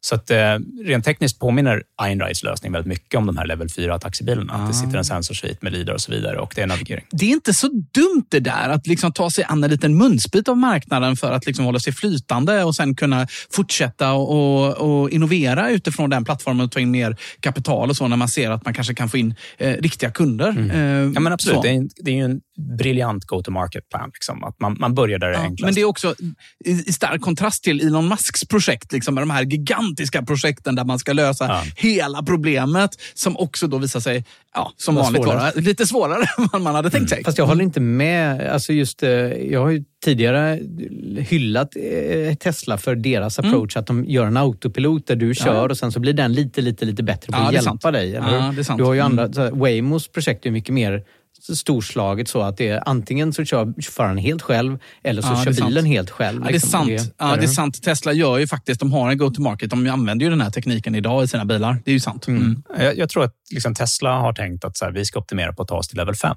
Och att det, det, mm. de försöker hitta genaste vägen dit. Och det, det är, alltså, jury is still out. Vi, vi vet inte om de kommer lyckas, men men det känns i alla fall som att deras approach är tänkbart en väg till level 5. Mm. Att liksom klara vått och torrt. Medan de andra känns väldigt tydligt att de kanske snarare kommer fastna på level 4. Det är svårt att ta. Det blir ett väldigt stort steg mellan level 4 och 5 för dem. Ja, vi har tidigare pratat om att det är väldigt algoritmstyrt, eh, de lösningar som finns på marknaden idag. Att man har programmerat systemet hur den ska bete sig i olika situationer. Medan det som kommer mm. nu, då, som vi pratar om här, är ju att det är artificiell intelligens som snarare eh, liksom helt och hållet styr bilen. Och det har ju en potential att faktiskt ganska snabbt göra det här, de här väldigt välfungerande de här systemen, tänker jag.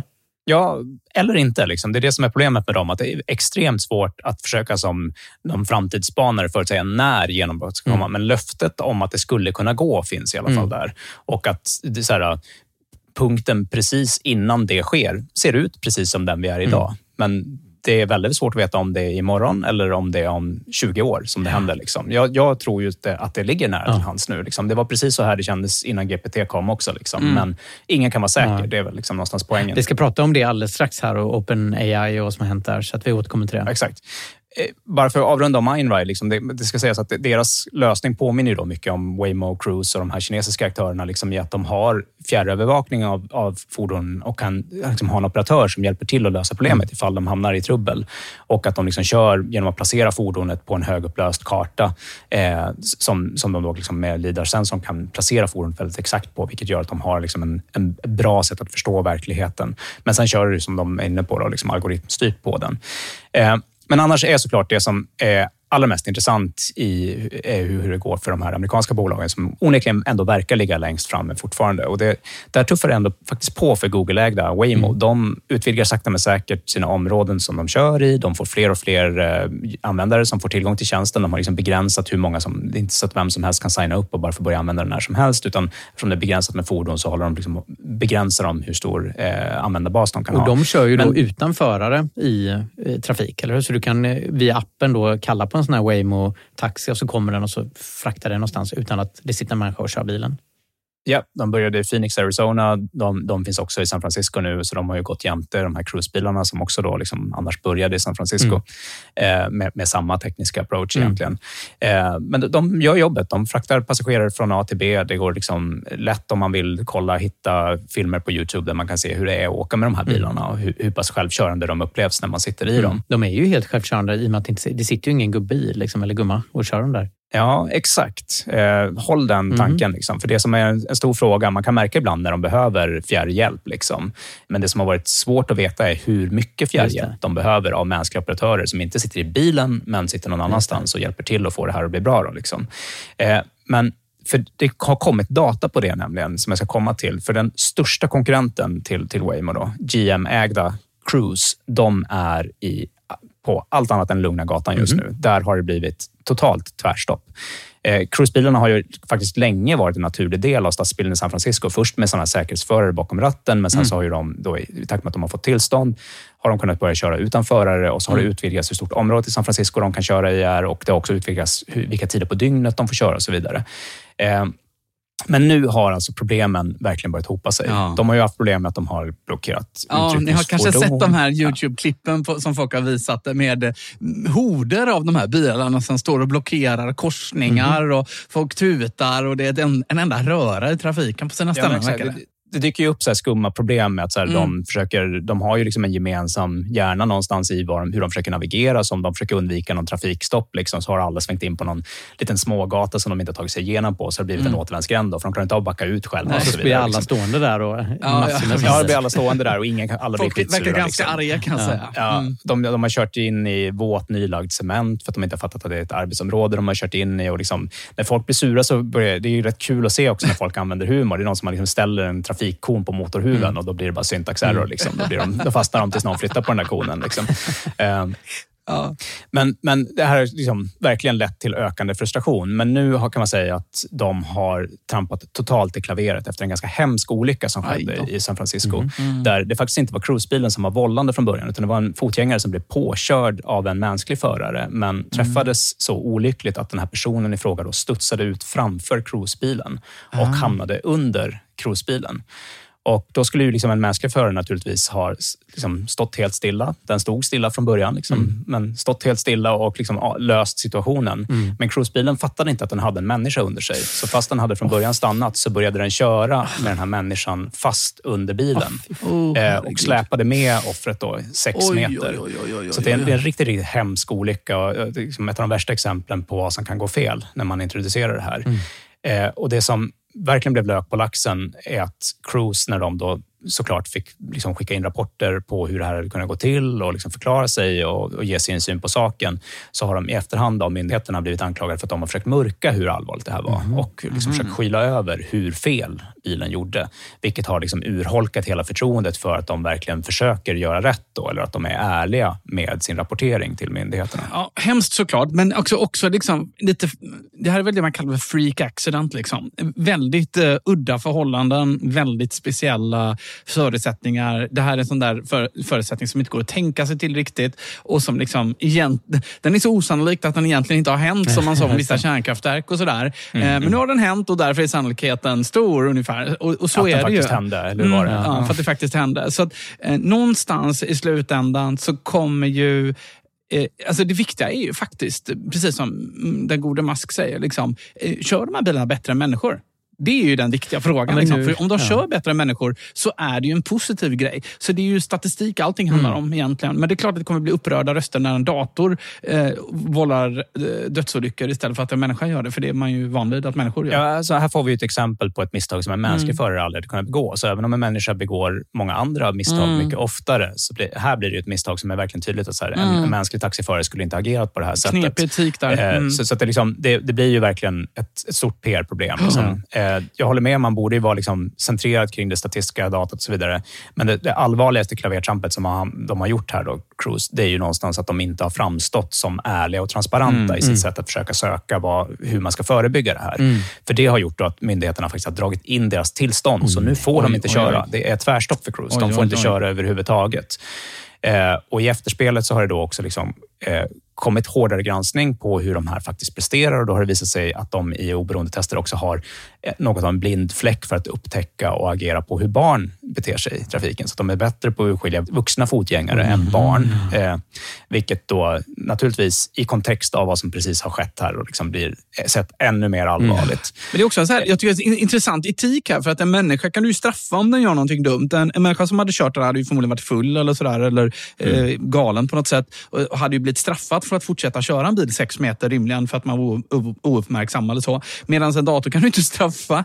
Eh, liksom, så det är också en etisk eh, del i... Liksom, Företaget all- träffar man ju när man drar in deras eh, tillstånd. Det är ju ett, Ja, det gör är de ju straff, nu då. ja. Precis, ja, det är ju det man har att göra då. Men då, då drar man ju proppen kanske för någonting som kanske i slutändan skulle vara bra. Och Det är också svårt om, eh, om man köper såna bilar, som, som liksom, om du och jag skulle köpa såna bilar och så har de som självkörande. Mm. Om plötsligt de förbjuds då, det straffar ju fel. Det straffar ju oss konsumenter. Ja, kunderna. Ja. Mm. Men det känns lurigt. ändå som, det- jag tänker när du Mm. berättar det här Alfred, det här är ju någonting de kan lära sig av. Att kanske det hade varit smart att placera kameror under bilen också så att man ser hur det ser ut där. Verkar ju klumpigt PR-hanterat också. I Verkar don't know. Eh, Det, det är liksom, jag tror Tråkigt. faktiskt att det, det, det här kan vara faktiskt början på slutet för Cruise. Mm, Eh, och det är nog inte den här olyckan ensam som gör det, utan det, det här bolaget blödde ju pengar redan innan den här Mm. eh, hemska olyckan. Då. Och det, det, med tanke på den vikande lönsamheten i bilbranschen generellt och problemen som GM står inför och att det är de som är liksom peng, penningpungen som ska finansiera det här Mm, kalaset, mm. så har det länge liksom ändå funnits ett frågetecken kring hur mycket tålamod kommer GM ha med Cruise. Hur mycket pengar Och- har de undrar man ju också. Hur mycket pengar Mm. har de? Exakt. För nu börjar det börjar vara, alltså de, har, de har pumpat in åtskilliga miljarder, alltså jag tror det är två miljarder dollar bara i år eh, som de har pumpat in. Och Det här är alltså så mycket pengar att det signifikant påverkar lönsamheten i hela GM att de får hålla Cruise under armarna på det här sättet. De kommer sälja det, rebranda det och det dyker upp under ett annat varumärke. Tror du inte det? Ja, vi, vi får se. Alltså det, det som har hänt nu då i alla fall, det är att Cruise har fått skära kraftigt i sin personalstyrka. Det är alltså totalstopp för bilarna nu och det finns ingen liksom, tydlig väg för när de ska kunna återvinna sin licens.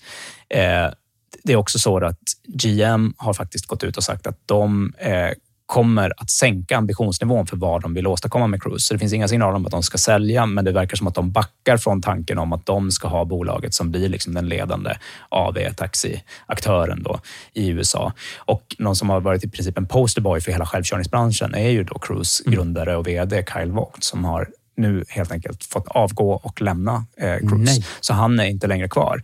Och det, liksom På grund av olyckan här då? Ja, eller hanteringen av olyckan och eh, skulle jag tro egentligen att de har missat sina planer och är så eh, snuskigt olönsamma Mm. redan innan de då blev av med alla sina intäkter. Eh, det, det sammantaget gör att man kan tänka att förtroendet är förbrukat från ägarnas sida. Att liksom fortsätta tro att det är han som ska styra upp det då helt enkelt. Mm. Men så jag tänker, det är helt enkelt en ganska intressant eh, tidpunkt nu där det ser ut som att, menar, det var ju mycket rabalder när en av de tidigare stora aktörerna fick lägga ner och det, liksom, det är inte säkert att Cruise kommer att överleva det här. Det är säkert att liksom, tekniken kommer att hamna i någons händer och användas någonstans. Liksom, men det, det, är inte säkert att det blir i, i, i under Cruise, Cruise som varumärke.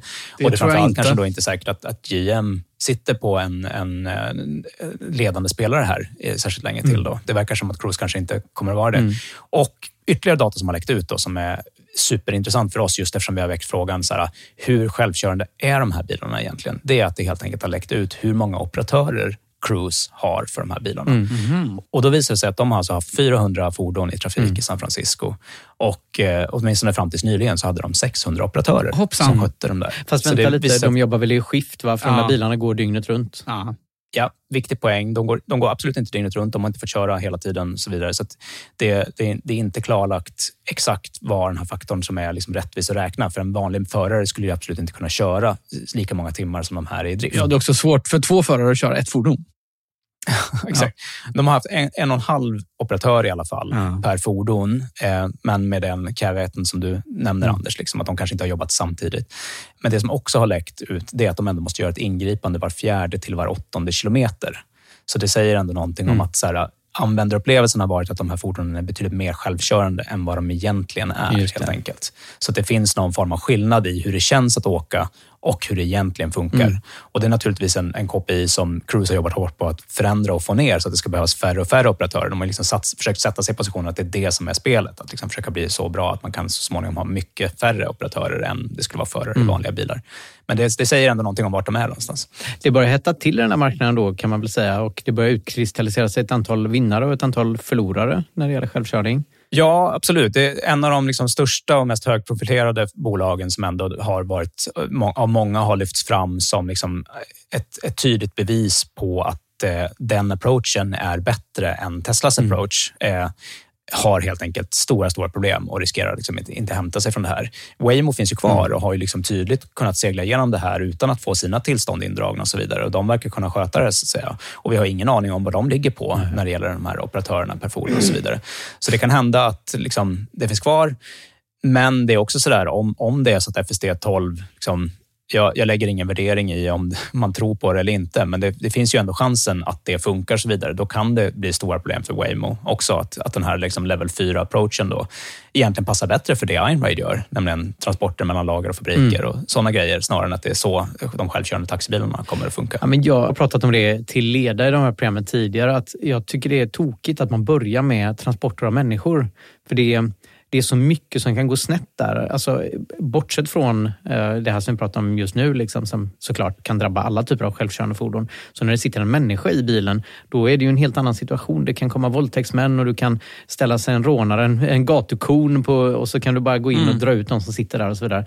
Det är så mycket faror och andra saker som, som du behöver tänka på när det sitter en människa i bilen.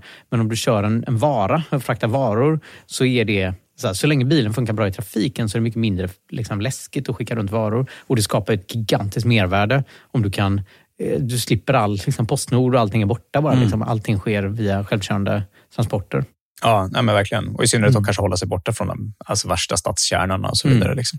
Vi ska prata lite mer eh, AI och vi kommer ju såklart under de här programmen prata väldigt mycket mer AI framöver för det händer så ja. mycket. Och Det som har hänt ja. sedan vi spelade in senast det är att OpenAIs VD plötsligt fick sparken. Jag, tycker bara det är så kul. Vad, vad ska man kalla Open AI eller Open AI i svensk media? Jag vet inte, har ni hört det, mm. nyhetsankarna när de håller på och snubblar? Liksom, mm. med att, så här, jag tycker vi frågar AI om hur det ska uttalas. open AI säger de. Mm. ja, men för alla, alla nyhetsankarna de, de börjar säga Open AI och sen så kommer de på sig ska de säga Open AI. Och så mm. bara, alltså jag fattar inte varför man ska säga Open AI. Open är ju också engelska. Ja, just det. Ja, just det. Open. Opel. Så det blir väl open antingen AI. Open AI eller. Open AI ja, eller öppen AI. Ja. Du sa OpenAI i alla fall. Ja. Mm. Men ja. ingen har väl missat att det har varit eh, toppnyhet i eh, mm. medier även i Sverige. Eh, Sam Altman var ju då en väldigt hög, eller är en väldigt högprofilerad person inom AI och håller väldigt mycket presentationer runt om i världen, pratar med statsledare och sådär också. Oh, jag bara väntar på en biografi på honom. Alltså, ja. Shit vad spännande han verkar ja. Jag måste läsa på mer om honom. Han verkar superspännande. Ja, och OpenAI är ju det här företaget då bakom ChatGPT som jag pratat så mycket om. Och, mm. Det vill säga de som skrev det här lyssnarbrevet som vi hade tidigare också. Eller ja, deras AI gjorde det. De har lite andra, de har den här, eh, vad heter den där, DAL-I som gör bilder och sådär. Är det de som ligger bakom de har också? bildgenereringsverktyg, absolut. Ja, och OpenAI startar som ett icke vinstdrivande bolag, så deras Ja. vision och idé var att de skulle ta fram AGI på ett ansvarsfullt sätt för mänsklighetens bästa. Och nu tänker jag låta Alfred berätta vad AGI är, för du har skrivit en hel bok om AGI, Alfred.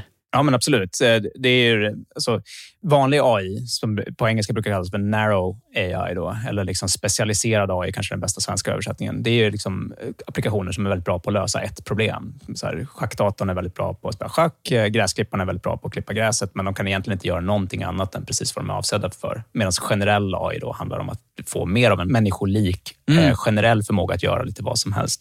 Eller vad säger du Fabian? Ja, men precis. För att, eh, och det som är speciellt med OpenAI är ju också, som du sa Anders, att det startade som ett icke vinstdrivande bolag. Och Det är ju väldigt många bolag i Silicon Valley som har startats med den ambitionen. Menar, Vi har Google med Don't Be Evil. Och, eh, alltså, det är ganska vanligt att man startar med stora visioner och eh, om att göra världet till en bättre plats. Och sen brukar allting ändå koka ner på något sätt i att tjäna pengar. Ja, men det finns en avgörande skillnad. Alltså, Ja. Google var ändå ett kommersiellt bolag från början. Här, ja. Ja, och det var precis det jag tänkte komma till. Här är ändå en stor skillnad för att OpenAI var faktiskt ett icke vinstdrivande bolag från start. Men sen eh, förändrades ju det en del också längs vägen. Men det var ändå en ganska stor skillnad när man startade så här. Ja. Det har funnits, det har funnits slitningar inom Ja. OpenAI, hur, hur de ska driva det. Det startades alltså med, med det här syftet att helt enkelt vara en av aktörerna som kan skapa en säker övergång till AGI och att då liksom hitta en bra väg dit och att det ska vara det överordnade syftet framför att tjäna pengar. Och Det var också här någonstans i de slitningarna som eh, Elon Musk drog sig ur projektet också och sålde sin andel så vitt jag förstår också. Ja, det har faktiskt framförallt handlat om alltså att det har blivit intressekonflikter Mm. mellan att han börjar jobba med AI inom andra Mm. bolag Ah, och så det var vidare. det. Ja, ja, Eh, ja. Så att, eh, men däremot då så har det ju funnits en, en, en schism och liksom en, en slitning inom OpenAI, vilken som är den bästa strategin, Mm. där Sam Altman har tillhört ett läger som, inne, som har liksom drivit på för att, så här, för att vi ska kunna få de resurser som krävs för att uppnå det här syftet så behöver vi ha en kommersiell gren. Mm. Och den kommersiella grenen behöver kunna resa pengar från investerare. Microsoft är ju den mest högprofilerade som har investerat djupt i den här kommersiella grenen Mm. av OpenAI. Och Sam Altmans poäng har ju varit att helt enkelt att det är det som gör att vi får resurserna som krävs för att vi ska kunna ligga tillräckligt långt framme för att spela den här rollen som vi ska göra. Medan belackarnas argument har ju varit att så här, men nu blir vi som alla andra. Nu blir vi ju kommersiella då, helt enkelt. Och det, det som påstås vara anledningen till att han plötsligt fick sparken, och det gick ju från en dag till en annan. Han kallades in i ett eh, Google Meets-möte, ett videomöte, och så sa de att han inte varit ärlig mot styrelsen och sen fick sparken. Och oklart varför var det länge, men nu enligt rykten, då, enligt eh, nyhetsbyrån Reuters, så handlar det om att styrelsen hade för sig att OpenAI är väldigt nära att ta fram en hel sån här självtänkande AI, då, en AGI, och, de, och Sam Altman har då inte informerat styrelsen tillräckligt. Det är väl det ryktet. Ja, exakt. Alltså, det finns tydligen en intern rapport eh, kring ett utvecklingsprojekt inom OpenAI som kallas för Q-star. Där, som har varnat för eh, liksom helt enkelt innovationen som kommer därur och vad, vad det är som eh, den har för potential. Och eh, igen, det här är ju liksom rykten och, och det är ingen som vet vad Q-star egentligen gör utanför möjligtvis bolaget själva. Då. Matematik, det var en matematik-AI som skulle kunna lösa matematiska problem. Ja, den ska vara bättre på matematik än vad GPT är, ju, som, som bara är bra på att imitera Mm. hur ett svar skulle kunna låta, men inte så bra på att svara på matematiska problem överhuvudtaget. Mm. Men det som verkar vara, ha hänt då, det är ju att helt enkelt att Sam Altman har liksom mörkat den här rapporten eller liksom försökt eh, inte vara transparent i styrelsen för den. Antagligen för att han vet att han i den här då, styrelsen i den icke-kommersiella grenen av OpenAI har betydligt mer skeptiska personer med sig som, som blir rädda och riskerar att trycka på bromspedalen ifall de blir för skraja. Mm. Helt enkelt. Nu spekulerar du. Inget av det här är. Ja, men absolut. Det här är ändå liksom vitt eh, spridda spekulationer. Mm. Så att jag, jag, jag reciterar Mm. eh, det. marknadens spekulationer. Men det, det är viktigt att betona att det är spekulationer. Ja. Men det, det är det vad som folk tror har hänt här bakom kulisserna helt enkelt. Mm. Och att det är i slutändan då, egentligen likhet med Cruise, att det handlar om så här, om man inte är ärlig, det är då man hamnar i ytterligare Mm. trubbel. Det var därför han då fick sparken. Det är ju väldigt oklart vad det är som har hänt här, så det är väl egentligen ingen som vet. Men det är lite otäckt om man nu är så pass nära att ta fram en AI som, liksom, som visar tecken på att vara självtänkande. Det, det som har tagit mänskligheten miljoner år att, att göra, att evolveras fram till där vi är idag, Mm. Det kan ju en AI med den datorkraft som finns tillgänglig göra på väldigt kort tid. Alltså du Ja. kan gå från en primat till en eh, superkraft, liksom, eller superhjärna på millisekunder. Mm. Eller hur? Ja, men, jag och många andra som liksom jobbar med de här frågorna är rädda för ska hända. Det är ju just att så här, för att få potentialen av en riktigt, riktigt kraftfull AI så vill man gärna ge den eh, agens helt enkelt. Den ska kunna få göra, eh, liksom, gå vidare med problem och liksom, ha en egen riktning i vad den försöker åstadkomma för att man liksom, ska kunna realisera potentialen i tekniken.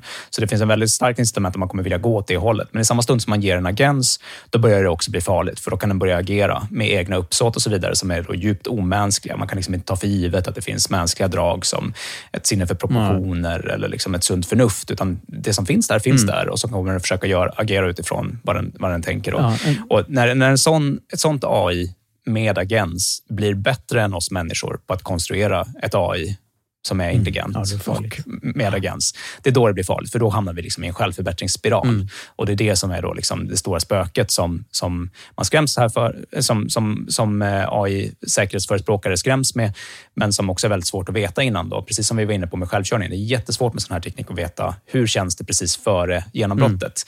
Det är väldigt Ja. mycket svårare att extrapolera hur det här kommer gå än vad det har varit vid nästan alla tidigare teknikskiften. Mm, men vi ser ju tecken på det här. Alltså vi ser ChatGPT, de här bilarna som kör sig själva och sådär. Alltså vi är ju nära väldigt bra AI.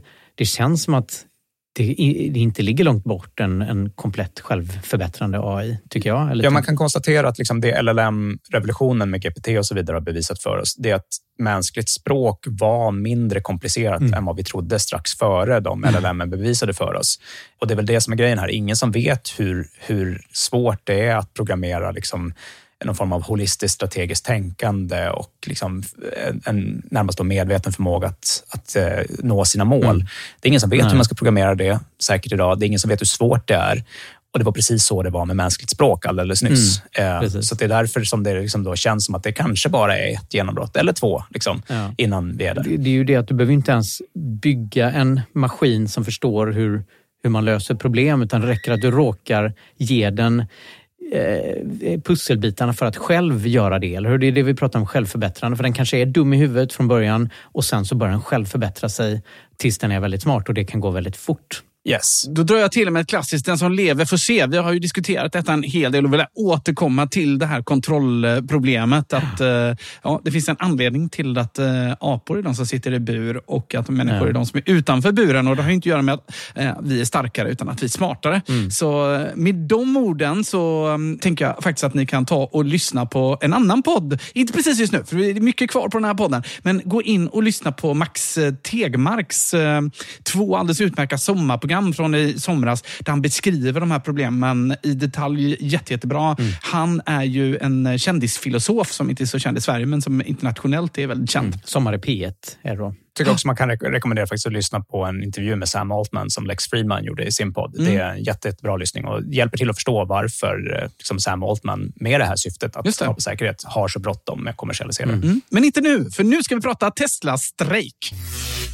Ja, för vi är ju faktiskt inne på andra månaden av den pågående strejken på Tesla. Eller kanske snarare att man ska kalla det för blockaden mot Tesla eftersom det inte verkar som att Tesla själva stannat av på grund av strejken. Helt klart mest uppståndet på sista tiden har det varit runt Sekos sympatistrejk på Postnord som vi ju nämnde i förra avsnittet var på gång. Och vi resonerade ju då att Tesla helt enkelt bara kunde välja att använda några andra speditörer eller hämta sina paket hos posten eftersom postlagen kräver att man ska kunna göra det.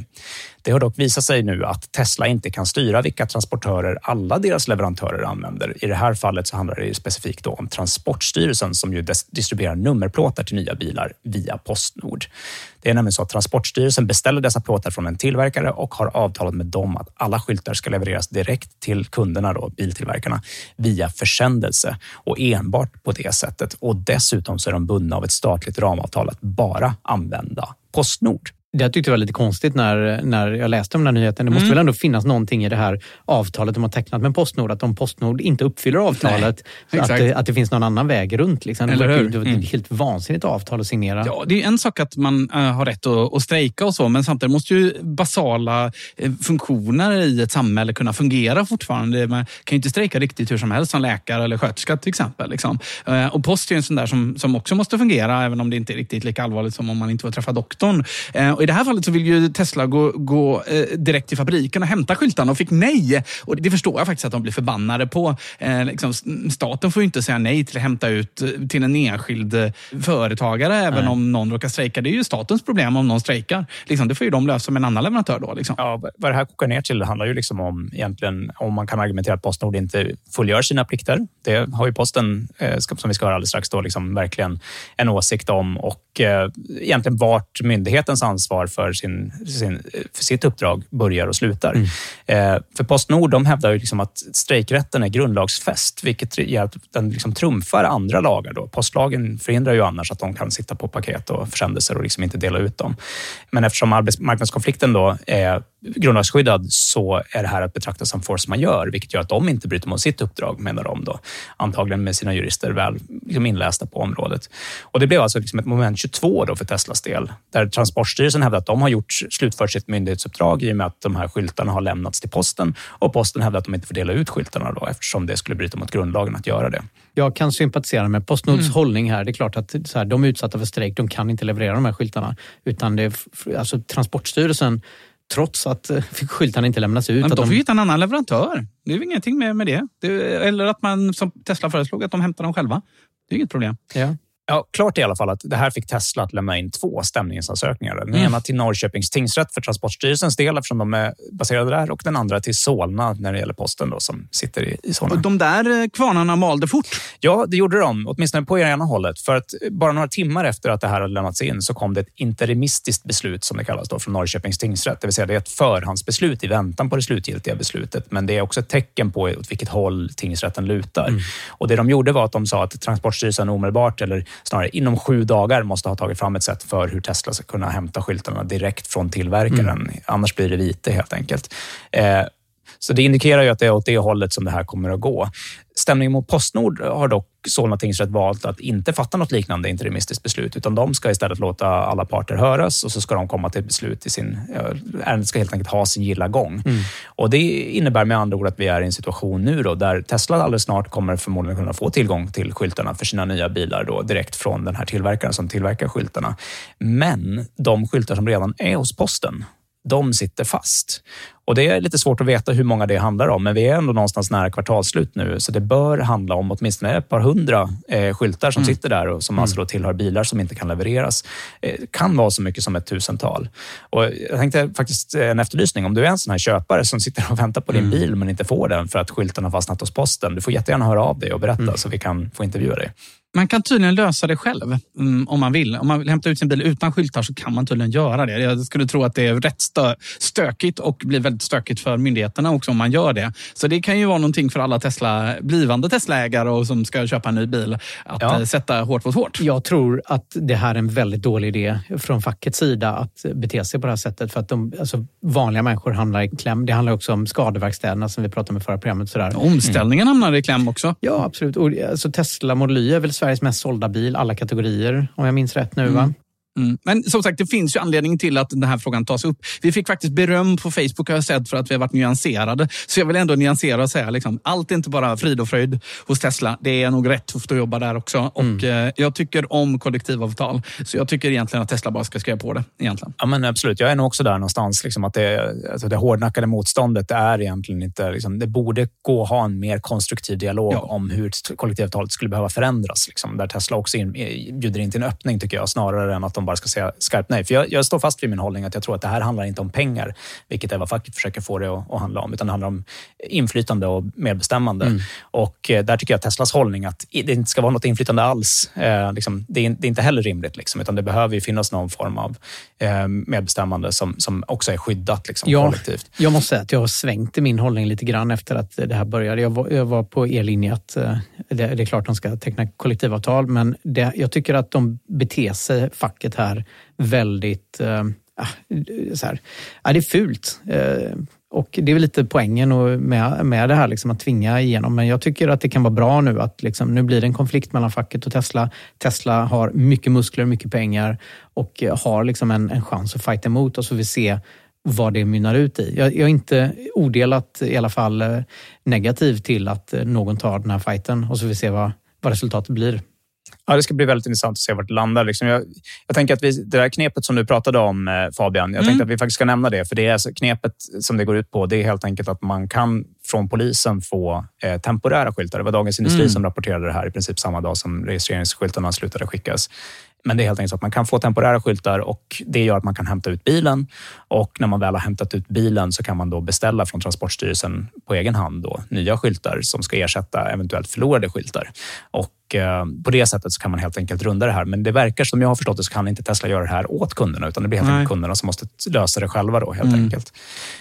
Vidare så har IF Metall också då utvidgat strejken till ett företag som finns i Vetlanda som är en fabrik som tillhör det stora norska bolaget eh, Hydro. Eh, den här fabriken då, eh, en undergren som kallas för Hydro Extrusions och de är helt enkelt en underleverantör av komponenter till biltillverkningen i Berlin. Och det här är ju, får man nog ändå säga, en del av liksom strejk konflikten som pågår som är mer verkligen välriktad mot Tesla och inte bara Tesla Sverige utan helt enkelt eh, stora Tesla, eh, det amerikanska moderbolaget och eh, liksom tillverkningen i Berlin. Mm. Men det återstår att se om det där får några konsekvenser egentligen. Liksom det som bolaget som har tagits ut i strejk här då själva beskriver det så säger de att Tesla har ju liksom god redundans i sin leverantörskedja. Så det enda det här leder till är att de här komponenterna kommer köpas någon annanstans ifrån och då finns det stor risk att de inte får tillbaka tillverkningen när strejken väl är över för att då har Tesla byggt upp andra, andra leverantörer eller utvidgat hur mycket de beställer från annat håll. Mm. mm. Och att IF Metalls medlemmar som strejkar nu då helt enkelt blir av med sina jobb för att de inte kommer få tillbaka den här tillverkningen. Så det, ja, det, är en, det är en soppa. Vi får se vart det landar någonstans. Så jag känner någonstans att jag vet inte hur det är för er, men folk som de vet ju att jag kan mycket om de här frågorna och så mm. vidare. Mm. Så nästan vem man än liksom, stöter ja, på nu. Man får en del så, Vad tycker du om det här? Då? Ja. Liksom, ja, hur är det att köra Tesla? Och mm. Jada, jada, liksom. Jag tycker en sån där fråga som har blivit viktig för mig för att orientera mig i vad jag tycker om den här konflikten är lite så här, okej, okay, det är sympatiåtgärder. Vilka är det som sympatiåtgärderna är i sympati med? Mm. Och där har det liksom, för mig varit ganska centralt att så här, är det strejk på Tesla eller inte? Hur många av arbetarna på Tesla vill delta i den här konflikten? Mm. Och hittills har det varit väldigt svårt att få några siffror på det. Men det som har hänt sen förra avsnittet är faktiskt att det har kommit uttalanden både från Teslas sida och från fackets sida okay. om omfattningen av deltagandet. Mm. Där Tesla hävdar att 90 procent av deras anställda fortsätter att jobba på som vanligt. Mm. Och Det beror lite på då hur man räknar, om man ska räkna hela Tesla Sveriges personal eller om man bara ska tänka att det är 90 procent av servicetäckningarna. Det finns mm. skäl att anta att de de, de säger de, här siffrorna ja. så, så fördelaktigt för sig ja. själva som möjligt, vilket gör att det skulle vara en högre andel än bara 10 procent av Teslas ja. servicetekniker som faktiskt deltar i strejken. Men IF Metall å sin sida, de har hävdat i intervjuer att de har 50 procents anslutningsgrad bland serviceteknikerna. Bland serviceteknikerna, ja. Inte bland hela Tesla då? Mm. Inte bland hela Tesla, men mm. det är inte, resten av Tesla ska ju heller inte organiseras av IF Metall. Så det är inte så att de ska ha, mm. de ska ju inte organisera liksom, de som jobbar med PR och mm. löner och så vidare. Liksom. Hur vet uh, IF Metall hur många anställda servicetekniker som Tesla har? Då? Det är väl inga offentliga siffror? Uh, ja, det är ändå en siffra som har florerat där ute. Det är en bra mm. fråga. Jag har faktiskt inte kollat upp hur man vet hur många de har. Det rapporteras till Skatteverket. Så, ja, mm. så det där är nog offentliga uppgifter, hur många som finns anställda. För det, är det kan hända att det, det är känt. Liksom. Det som blir tydligt för mig i alla fall, det är att om det är så att de har 50 procents anslutningsgrad bland då bilmekanikerna eller serviceteknikerna som de kallas, då är det ganska uppenbart att det är väldigt många som är medlemmar och ändå väljer att inte delta i strejken. Mm, det eh, mm. Mm. Och det tycker jag liksom är ett gott exempel här på att här, det verkar inte som att den här strejken egentligen handlar om att det är arbetarna på Tesla som far så illa att de efterfrågar det här. Det är ett sätt att tolka det på. Ett annat sätt att tolka på är att, att folk inte vågar strejka för de är rädda att bli av med jobbet och mm. andra åtgärder, bli av med sina optioner och mycket andra, annat. Och att eh, liksom, stilen och eh, den eh, kulturen man har är att här strejkar man inte. Men det är mm. ju en låg anslutningsgrad generellt till facken. Det har ju droppat år för år. Vad är det, 55 procent eller någonting av alla ja, svenska mm. arbetare som är anslutna till något fack. Eller om det var 45 procent. Mm. Jag kommer inte ihåg. Men det är, inte, ja. alltså, det är ungefär hälften av arbetarna som nu är fackligt anslutna. Jag gick precis ur facket. Jag tänkte innan de kastar ut mig för att de inser att jag är arbetsgivare. Mm. men, men jag antar att jag är ju anställd också, att jag kan vara med i facket om jag vill. Ja. Ja, alltså, det finns i alla fall eh, ögonvittnesskildringar från... Eh, det har kommit någon insändare i Nerikes Allehanda till exempel från en eh, mekaniker på Tesla då, som, som menar på varför är det ingen som lyssnar på oss? Vi vill inte strejka. Det är ingen mm. i Örebro som strejkar, säger han. Liksom. Varför mm. är det ingen som, som lyssnar på vad vi vill ha? Det, mm. Alla säger sig vilja skydda oss, men varför är det ingen som lyssnar på vad vi vill ha? Ja, men facket bryr sig om facket. Det har vi konstaterat sedan tidigare. Det är ju liksom nummer ett för deras del. Det var ju inte några höga röster någonstans innan den här strejken ja. för, från, från Tesla-mekanikernas sida.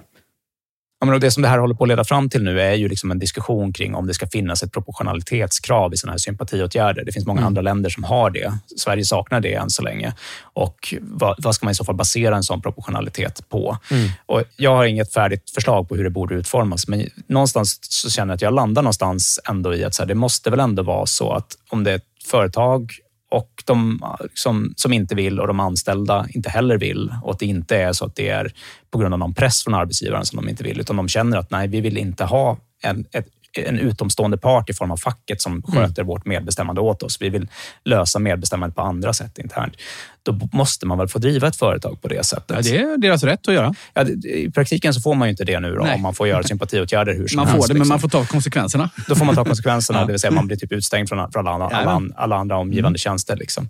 Och det, så här, jag landar nog ändå någonstans där i att jag tycker att det borde vara rimligt att det ska finnas en sån proportionalitet. Att, om, att det, det blir liksom inte rimligt att ha sympatiåtgärder med strejkande som inte vill strejka. Utan Nej, det, det måste är ändå baseras alltså. någonstans på att det är dem man ska sympatisera med. Nej, men det är ju inte det det handlar om. Jag tror att du är inne på rätt spår här, Alfred. Jag, jag tror att det här handlar ju om den svenska modellen. Det handlar ju om eh, Klarna och Spotify. Nu var det väl så att Klarna signerade ett kollektivavtal. Det handlar om att försvara den svenska modellen. Mm. Och så att, eh, det, det, tror jag ändå är ganska tydligt och det tror jag väl, det är väl också sympatiskt eh, ja. att göra det. Men varför ger de sig på Tesla som ett så himla litet bolag i Sverige med 100 servicetekniker? Liksom, det finns ju jättebolag i Sverige som inte har kollektivavtal. Nej, de, de sticker ju ut också. Elon Musk sticker ut. Jag tror liksom eh, att det här, av, av alla bolag som, som ogillar kollektivavtal så är ju Tesla det eh, ja. som är verksamt i Sverige som är, är mest profilerat på, åt det hållet. Ja, men och de blir ju raskt större. De är ju inte små längre. Nej, nej, de är inte små. Jag tror att de har låtit dem flyga under radarn under, under många år, men nu ser de att så här, det är Sveriges mest sålda bil. Herregud. Liksom. Mm. Jo, men det, det handlar om hundra servicetekniker. Det finns jättebolag i Sverige som inte har kollektivavtal överhuvudtaget. Jag tänker att det handlar om en PR. De vet att det blir mycket PR om de ger sig på Tesla. Ja, säkert också. Tänker jag i alla fall. Mm, mm. Visst, det är, det är ett högprofilerat varumärke och alla känner till det. Och så. Mm. mm. Det kan hända. Du nämnde ju Klarna Fabian. Liksom, mm. En viktig poäng som har kommit bort lite där med deras kollektivavtal, det var att de valde inte att signera ett kollektivavtal med det facket som hotade med åtgärder, utan de helt enkelt ändrade vilket fack de signerade kollektivavtal ah. med. Och eh, där finns det en viktig poäng. då. Det kanske handlar om vad det står i kollektivavtalet och som går bortom just lönenivåer och liksom pensionsvillkor och så vidare som är väldigt snarlika mellan många kollektivavtal. Utan det snarare handlar om vilken är motparten och hur ska medbestämmandet funka, liksom, vilket jag tror kanske. är det centrala här. Mm. Ja, kanske. Jag, jag, jag tänker också att eh, Just IF Metall är väl kanske inte de lättaste heller att ha att göra med också, skulle jag kunna tänka mig. Gamla verkstadsarbetare också, om man är liksom nytt eh, innovativt techbolag som Tesla vill vara. Liksom. Så det, jag kan förstå det, men jag tror inte det spelar någon som helst roll. Jag tror att det här är, liksom, det här är Elon Musks idéer. Liksom. Det är liksom, han är stenhård på detta. Han, det ska inte vara något fack. Och han har inte, sannolikt inte satt sig in i vad den svenska modellen är och att vi inte har minimumlöner och mycket annat i Sverige och istället har det här systemet systemet. Eh, samtidigt så när det gäller Kina, då har han nog gått med på ganska mycket, liksom, eh, när han byggde fabriken i Kina, då har han säkert gått med på ganska mycket specialregler och bitit ganska mycket i handen ett par gånger för att få bygga den där fabriken. Mm. Eh, vi är för små eh, för att det ska vara värt det helt enkelt och han är stenhård när det gäller hans principer ja. här. Vi kan väl säga i alla fall att vårt lilla bolag, eh, Fabian Hälshamma som vi pratade om i programmet, vi, vi har kollektivavtal. kollektivavtal. Jajamensan, det är jättedyrt Camilla. Ja. ja, vi får verkligen se hur det här går. Liksom. Jag hoppas verkligen att det inte är den svenska modellen som stryker med mm. eh, i den här konflikten. Liksom. Och jag tror att man behöver komma ihåg att en del av det här fackföreningsmotståndet nog ändå kommer ur att liksom UAW i USA och delvis IG Metall i Tyskland ja. har varit liksom några av de största bromsklossarna mm. i omställningen till elektrifieringen. Just mm. för att de har sett hoten mot jobben mm. i att det behövs färre personal för att mm. bygga eh, elbilar än, än, konventionella bilar. Ja. Och Det är inte så kul att släppa in sådana aktörer i, djupt in i medbestämmandet på hur omställningen ska ske. Mm. Liksom. Så det, jag tror att det är någonstans där skon klämmer, även om så här, Elon är nog också bara ideologiskt emot och han är ju liksom backar man in honom i ett hörn. Det får inte honom att vika sig. nej, liksom. Så inte det är inte rätt taktik för att få som man vill med Nej. honom. Det här Precis. kan nog tvärtom vara, eh, visa sig vara en ganska dålig idé för facken tror jag. För jag tror inte de går vinnande ur här. Om någon hade satt sig ner, om någon känner det, alltså Peter Karlsson, ja, vi vet att du lyssnar, som känner Elon Musk, du kan väl ringa upp honom och berätta för honom att liksom, ta det här ner till fysiken. Vad, är, vad är de fysiska beståndsdelarna av arbetsmarknaden i Sverige? Jo, i Sverige har vi inte lagar på samma sätt som reglerar lika mycket, utan här har vi istället eh, facken och den svenska modellen fungerar så här. Det här är den fysiken du har att förhålla dig till. Det hade väl varit bra? Med de orden tycker jag vi rullar vidare till en helt annan biltillverkare, nämligen BYD. Ja! Ja, nu finns det nämligen en ny utmanare på gång i form av BYD Seal som är en, eh, nästa modell från BYD som verkar bli en riktigt svår utmanare faktiskt till Tesla Model 3. Vi har ju pratat om att BYD håller på att växa ikapp och kanske snart förbi Tesla som världens största elbilstillverkare. Och länge har i alla fall jag tänkt att det främst beror på att de gör liksom billigare bilar som funkar bra på den kinesiska hemmamarknaden och att det liksom har varit svårt att se hur de så på allvar ska kunna utmana i Europa och på annat håll. Eh, Sverige har ju BYD hittills framförallt sålt eh, många exemplar av modellen Atto 3 som får sägas är liksom något av ett lågpriserbjudande, i synnerhet i kombination med de väldigt, väldigt offensiva leasingkampanjerna som BYD har, har sysslat med genom sin eh, återförsäljare Hedin. Då.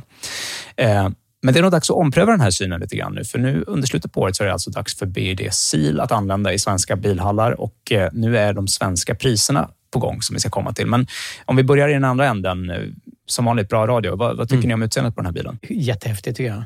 Mm. Eh, och Det var min första känsla också. Och Sen började jag titta lite på detaljerna så började jag störa mig lite på att det liksom andas lite den här kinesiska designen som jag inte egentligen gillar. Lite generisk va? Så Ja. lite... Ni får ge lite överblick. Vad är det för typ av bil det här? Och... Ja, men den ser sportig ut. Det påminner om en eh, Jaguar eh, XKR. Eh, lite grann tycker jag. En stor sedan, lång, härlig, Mm. slick sedan. Lik Tesla Model S för den som vet hur den ser ut. Ja, precis. Just det, men den är nog snarare i Model 3-storlek än Model Mm. S-storleken här då ändå. Okej, den är det. Den ser större ut. Den ser liksom lite mer ombonad ut på insidan Mm. skulle jag säga än vad Teslorna gör. Liksom att den har ändå lite mer gemensamt. Som ett mellanting mellan Tesla och Mercedes i hur Mm. de har valt att utforma interiören. Eller Mm. vad säger ni? Ja, nej, men absolut. Det är en del knappar och så, men ändå två touchskärmar och så. Det, Mm. Model 3 har ju bara en touchskärm i mitten. Ganska snygg. Lite överdesignad, men ganska snygg. Jag tänker ändå att det här är en bil som vi verkligen ska se till att provköra. Jag är lite i kontakt med BYD för att ordna det. För tidiga tester ta- talar om att körupplevelsen i den här bilen faktiskt är bättre än Tesla Model 3. Mm. Att den upplevs både tystare och mer lyxig samtidigt som den har bibehållit de många av de liksom väldigt sportiga och goda köregenskaperna som vi vet att, ja, men, som jag känner som Tesla Model 3-ägare, att jag älskar med de bilarna helt enkelt. Dessutom så är mjukvaran på skärmen så där rapp och användarvänlig som man liksom förväntar sig från en Tesla, men som har, man har svårt att förvänta sig från konventionella biltillverkare. Och dessutom, då, till skillnad från i Tesla, så stödjer mjukvaran här både Apple CarPlay och Android Auto, vilket vi som Tesla-ägare ju får leva utan. Mm. Ett tillkortakommande dock med mjukvaran än så länge ska sägas i Europa är att det verkar inte som att BDs förarassistanssystem funkar riktigt så bra som det ska Mm. ännu, utan det är mycket bättre i Kina än hur det funkar i Europa hittills. Får jag bara säga det här med Android Auto och Apple CarPlay. Det här är ju plåster på såren om man har ett dåligt infotainmentsystem. Om man har ett bra infotainmentsystem där du har allting du behöver, då behöver du inte ha de här eh, lösningarna med att du speglar din telefon som Apple CarPlay och Android Auto ju är. Så jag tycker det där är väldigt, väldigt överskattat att ha stöd för det. Har du ett bra system med allting i bilen, då behöver du ju inte det. Problemet är att det finns ju inga bra system förutom Teslas eget. Ja, men jag vet Ja. faktiskt folk som saknar saker i Tesla också. Eh, Framförallt vad det gäller podcaster faktiskt. Att kunna synka podcaster fram och tillbaka från sin Ja. telefon, var man är någonstans och så. Och det kan jag hålla med om. Anders, du har ju kört mycket både Nio och Xpeng som är liksom andra så här elbilsuppstickare från Kina. Liksom. Mm. Och hur, hur ligger de till med mjukvaran skulle du säga? Ja, men alltså, ni, båda de har ju kopierat Tesla eh, och deras mjukvara. Det, jag har rapporterat om det tidigare, att när man navigerar sig runt i menyerna där så känner man igen sig som Tesla-förare. Jag vet precis vad som Mm. gömmer sig under menyerna för de är exakt likadana. Så att eh, de har ju bara kopierat Tesla rakt av och är, Mm. är väl bra av den anledningen. Förutom Xpeng som har bara tryckt in menyalternativ som är helt ologiska. Så här, Mm. OPC, turn on och så vidare. Jättesvårt att förstå. Mm. Och hur, känns, hur är latensen? Liksom? Känns det rappt Ja, när man klickar bägge de är. Ja. För det är ju det som är liksom den stora... Det är som att inga av de konventionella tillverkarna, utom möjligtvis de som har valt att gå i säng med Google nu, då, Mm. eh, kolla på er Volvo. det är inga andra som liksom får till rappheten på något sätt. Liksom. Och Mm. det, det verkar ju ändå sitta med de här. Så då blir det snarare så här, okay, hur ska gränssnittet sen se ut i nästa steg? Liksom, och hur ska man få till, få till det? Mm. Men där är det ändå så att BRD får ganska mycket cred här för att de har kommit långt med det nu. Då. Eh, och nu kommer vi till det intressanta här. Då, för priset i Sverige är nu presenterat och det startar alltså på 559 000 kronor för den här BRD Seal, då, vilket förvisso då är något mer än Tesla Model 3 med det lilla batteriet. Men då får man också 570 kilometers VLTP-räckvidd, vilket kan jämföras med då Teslans 513 för det lilla batteriet. Så det är alltså skulle man säga, väldigt, väldigt konkurrenskraftigt med det här eh, med priset på Teslorna helt enkelt. Och Mm. att man lägger så, liksom, sin startpunkt är någonstans mellan Teslans liksom, standard range och long range helt enkelt. Spännande. Uppgraderar man till fyrhjulsdrift så får man betala 589 000 och trots det då faktiskt leva med något kortare räckvidd. Då, då är man nere på 520 kilometer. Men då får man då, eh, förutom fyrhjulsdrift, även en dynamisk stötdämpning som de som har hunnit provköra den här bilen säger är grym och Mhm. ger den här liksom, eh, komforten. Och dessutom då en väldigt, väldigt snabb acceleration på 3,8 sekunder istället Mm. för 5,9 sekunder för bakhjulsdrivna. Små sedaner i Tesla Model 3 storlek är ju inte dunderpopulära i Sverige. Anledningen till att Tesla Model 3 blev så populär, det var ju för att det inte fanns något alternativ för de som köpte Mm. bil då. Och om man tittar på Mm. Försäljningsstatistiken nu, nu så är det ju Tesla Model Y som ligger Ja. absolut i topp och Tesla Model 3 är ju långt, långt, långt Ja. ner på den listan numera. Ja, att- Model 3 är en mm. väldigt rolig bil att köra och så. Storleken gör ju att den är, att den är liksom perfekt för mig då, som inte har barn och Mm. sådär. Men, men bakluckan är ju ett problem. Liksom. Mm. Tesla behöver ju lösa den där lilla brevinkast eh, eh, bakluckan. Liksom. Den är ett problem till och med för mig ibland. Ja, jag ska men det har de grejer. ju löst i Model Y. Den Exakt. är ju svaret på det. Mm. Om man tittar Precis. på de allra flesta, alltså när man börjar tjäna så pass mycket pengar att du kan köpa en splirrans ny elbil, Mm. då är du nog i den åldern också att du kanske har barn och så. Du har Ja. andra behov än Model 3. Exakt. Exakt. Mm. Ja, jag tycker i alla fall att det börjar bli tydligt här att BYD är på en plats. Alltså, de är ju Mm. en av Teslas leverantörer av batterier. Det kommer ju eh, Model Y nu från Berlin som är byggda med såna här BYD Blade-batterier som är då Mm. samma batteri som sitter i den här bilen. Och Det blir väldigt tydligt att så här, det som är kråksången här, det som gör att de kan vara så konkurrenskraftiga med sin Mm. drivlina och ha, hålla de här priserna och ändå ha marginaler, tjäna pengar när de säljer bilar på de här prisnivåerna. Det är ju att de har helt enkelt hela skalfördelen med batterierna. Mm, just de det. behöver inte betala någon annans marginal för batterierna utan de har sin egen marginal där. De levererar ju batterier till väldigt många andra biltillverkare. Ska jag säga. Så Ja. det är väl det de egentligen är mest kända för. Eller var i alla fall i Ja, de Europa började som en batteritillverkare som sen har börjat bygga bilar. Mm, Eh, coolt. så att det är verkligen så att, eh, och, och det är också väldigt, väldigt bra batterier. Båda de här modellerna laddar i upp till 150 kilowatt. Eh, Tesla Men låter det faktiskt... är väl inte helt imponerande? Nej, 150 är inte så imponerande. Nej, det är ju inte piken, men det handlar ju mycket om liksom var, vart ligger hela platån. Och det, alltså Tesla tillåter ju faktiskt eh, bilar med samma batteri att ladda snabbare. Ja, det, det återstår att se hur mycket av det som har att göra med hur liksom, batteripaketet är konstruerat med kylning och hur mycket det är att så här, det här är ett tidigt skede och att de kanske, Tesla, de- Tesla har ju också varit liksom långsammare i början och sen så när de har lärt känna bilarna och sett data så har de vågat släppa på mer kräm. De har uppgraderat liksom, så att de laddar snabbare. Ja, samma konstruktion har fått snabbare kurva. Men är det LFP-batterier, liksom, standarden som gör att den laddar långsammare? Alltså? Tror vi det? Eller? Inte nödvändigtvis, men, men absolut. De laddar, ju- det, I grund och botten så kan LFP vara så att det liksom behöver ladda lite långsammare Okej. än de litiumjon eller NCA och Ja. NMC-batterier som är optimerade på att kunna tillåta så snabb laddning som möjligt. Det är inte så Okej. att alla NCA och NCM-batterier per definition är snabbare än, Mm. än LFP-batterier. Spännande, men då kanske vi får provköra den här nu då i ett kommande avsnitt och höra hur bra den faktiskt egentligen är. Ja, det tycker jag vi ska göra. För det här är ändå på pappret tycker jag en bil som ser ut att kunna vara en verkligt tuff utmanare Mm. till, till Teslorna. Och eh, det återstår liksom att se någonstans och försöka få en känsla för, okej, om de är tillräckligt bra på pappret, börjar de sälja då? Eller är det så att de måste vara typ 50 000 kronor billigare än Teslorna för att folk ska komma över liksom, den initiala versionen mot att det här är ett okänt Kina-märke? Mm. Det återstår att se, tycker jag.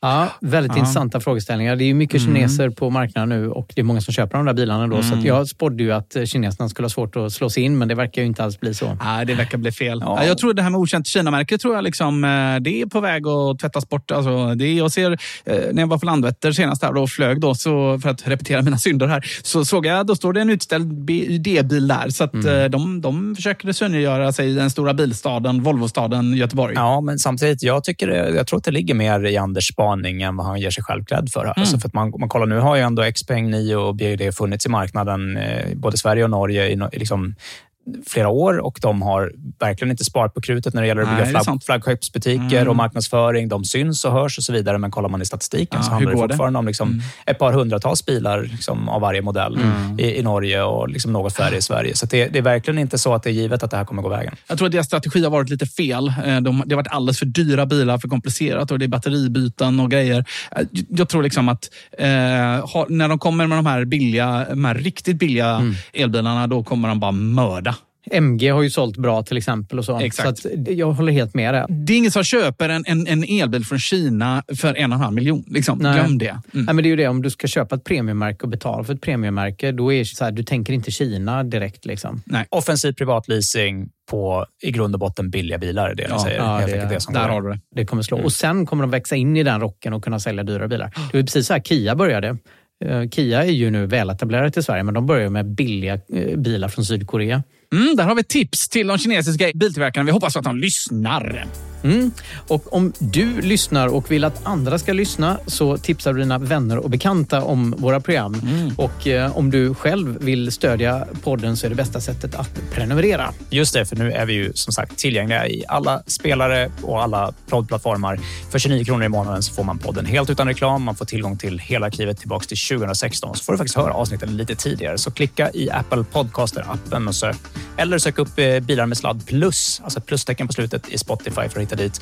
Eller använd Acast-länken i avsnittsbeskrivningen om du har någon annan poddspelare. Mm, just det, och då blir det väl jag då som får berätta om våra Tibber-länkar. Vill man ha lite pengar från Tibber när man stannar upp för det smarta elbolaget Tibber. Man vill ju ladda sin bil billigt på natten. Då använder man Tibber. Eh, och då kan man gå in på hemsidan bilarmedsladd.se och där finns våra länkar. Så får vi en klapp på axeln och du får en liten eh, peng tror jag också att köpa mm. roliga saker för. Vi har också en Facebook-sida da Gå gärna in och like oss där. Ja, och mer på vår hemsida. Det finns lite andra referrals. Om du ska köpa en Tesla så använder du våra länkar där och då får du lite rabatt på Teslan och vi får någon liten gåva där också kan man säga. Sa vi adressen? Bilarmedsladd.se. Just det. Mm, så jag faktiskt. Det är bara du som inte lyssnar. Ja, Okej, okay. ja, det, det har varit mycket babbel nu. Men så är det. Glöm inte att eh, lista dig på Hälsa Hemma, den smarta vårdcentralen som kommer hem till dig när du blir sjuk. Och det gör vi i dubbel bemärkelse. Dels kan vi ju lösa saker direkt i appen ofta, men om det behöver tas prover eller undersöka dig eller dina gamla föräldrar eller sådär, då kommer vi då alltså hem.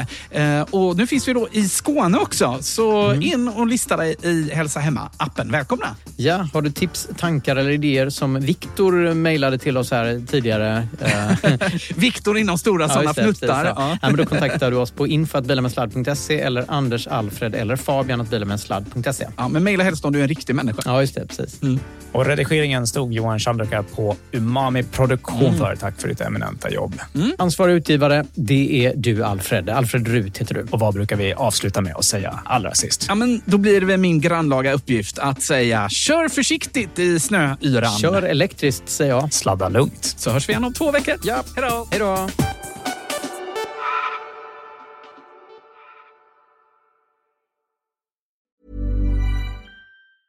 Hi, I'm Daniel, founder of Pretty Litter. Did you know cats tend to hide symptoms of sickness and pain? I learned this the hard way after losing my cat, Gingy. So I created Pretty Litter, a health monitoring litter that helps detect early signs of illness by changing colors, saving you money and potentially your cat's life. Pretty Litter is veterinarian developed, and it's the easiest way to keep tabs on your fur baby's health right at home. Go to prettylitter.com and use code ACAST for 20% off your first order and a free cat toy. Terms and conditions apply. See site for details. When you make decisions for your company, you look for the no brainers. And if you have a lot of mailing to do, stamps.com is the ultimate no brainer. It streamlines your processes to make your business more efficient, which makes you less busy. Mail checks, invoices, legal documents, and everything you need to keep your business running with stamps.com. Seamlessly connect with every major marketplace and shopping cart. Schedule package pickups and see your cheapest and fastest shipping options from different carriers. With rates up to 89% off USPS and UPS rates. And with the Stamps.com mobile app, you can take care of mailing and shipping wherever you are. Make the same no brainer decision as over 1 million other businesses with Stamps.com. Sign up with Code PROGRAM for a four week trial, plus free postage and a free digital scale. No long term commitments or contracts. That's stamps.com. Code program.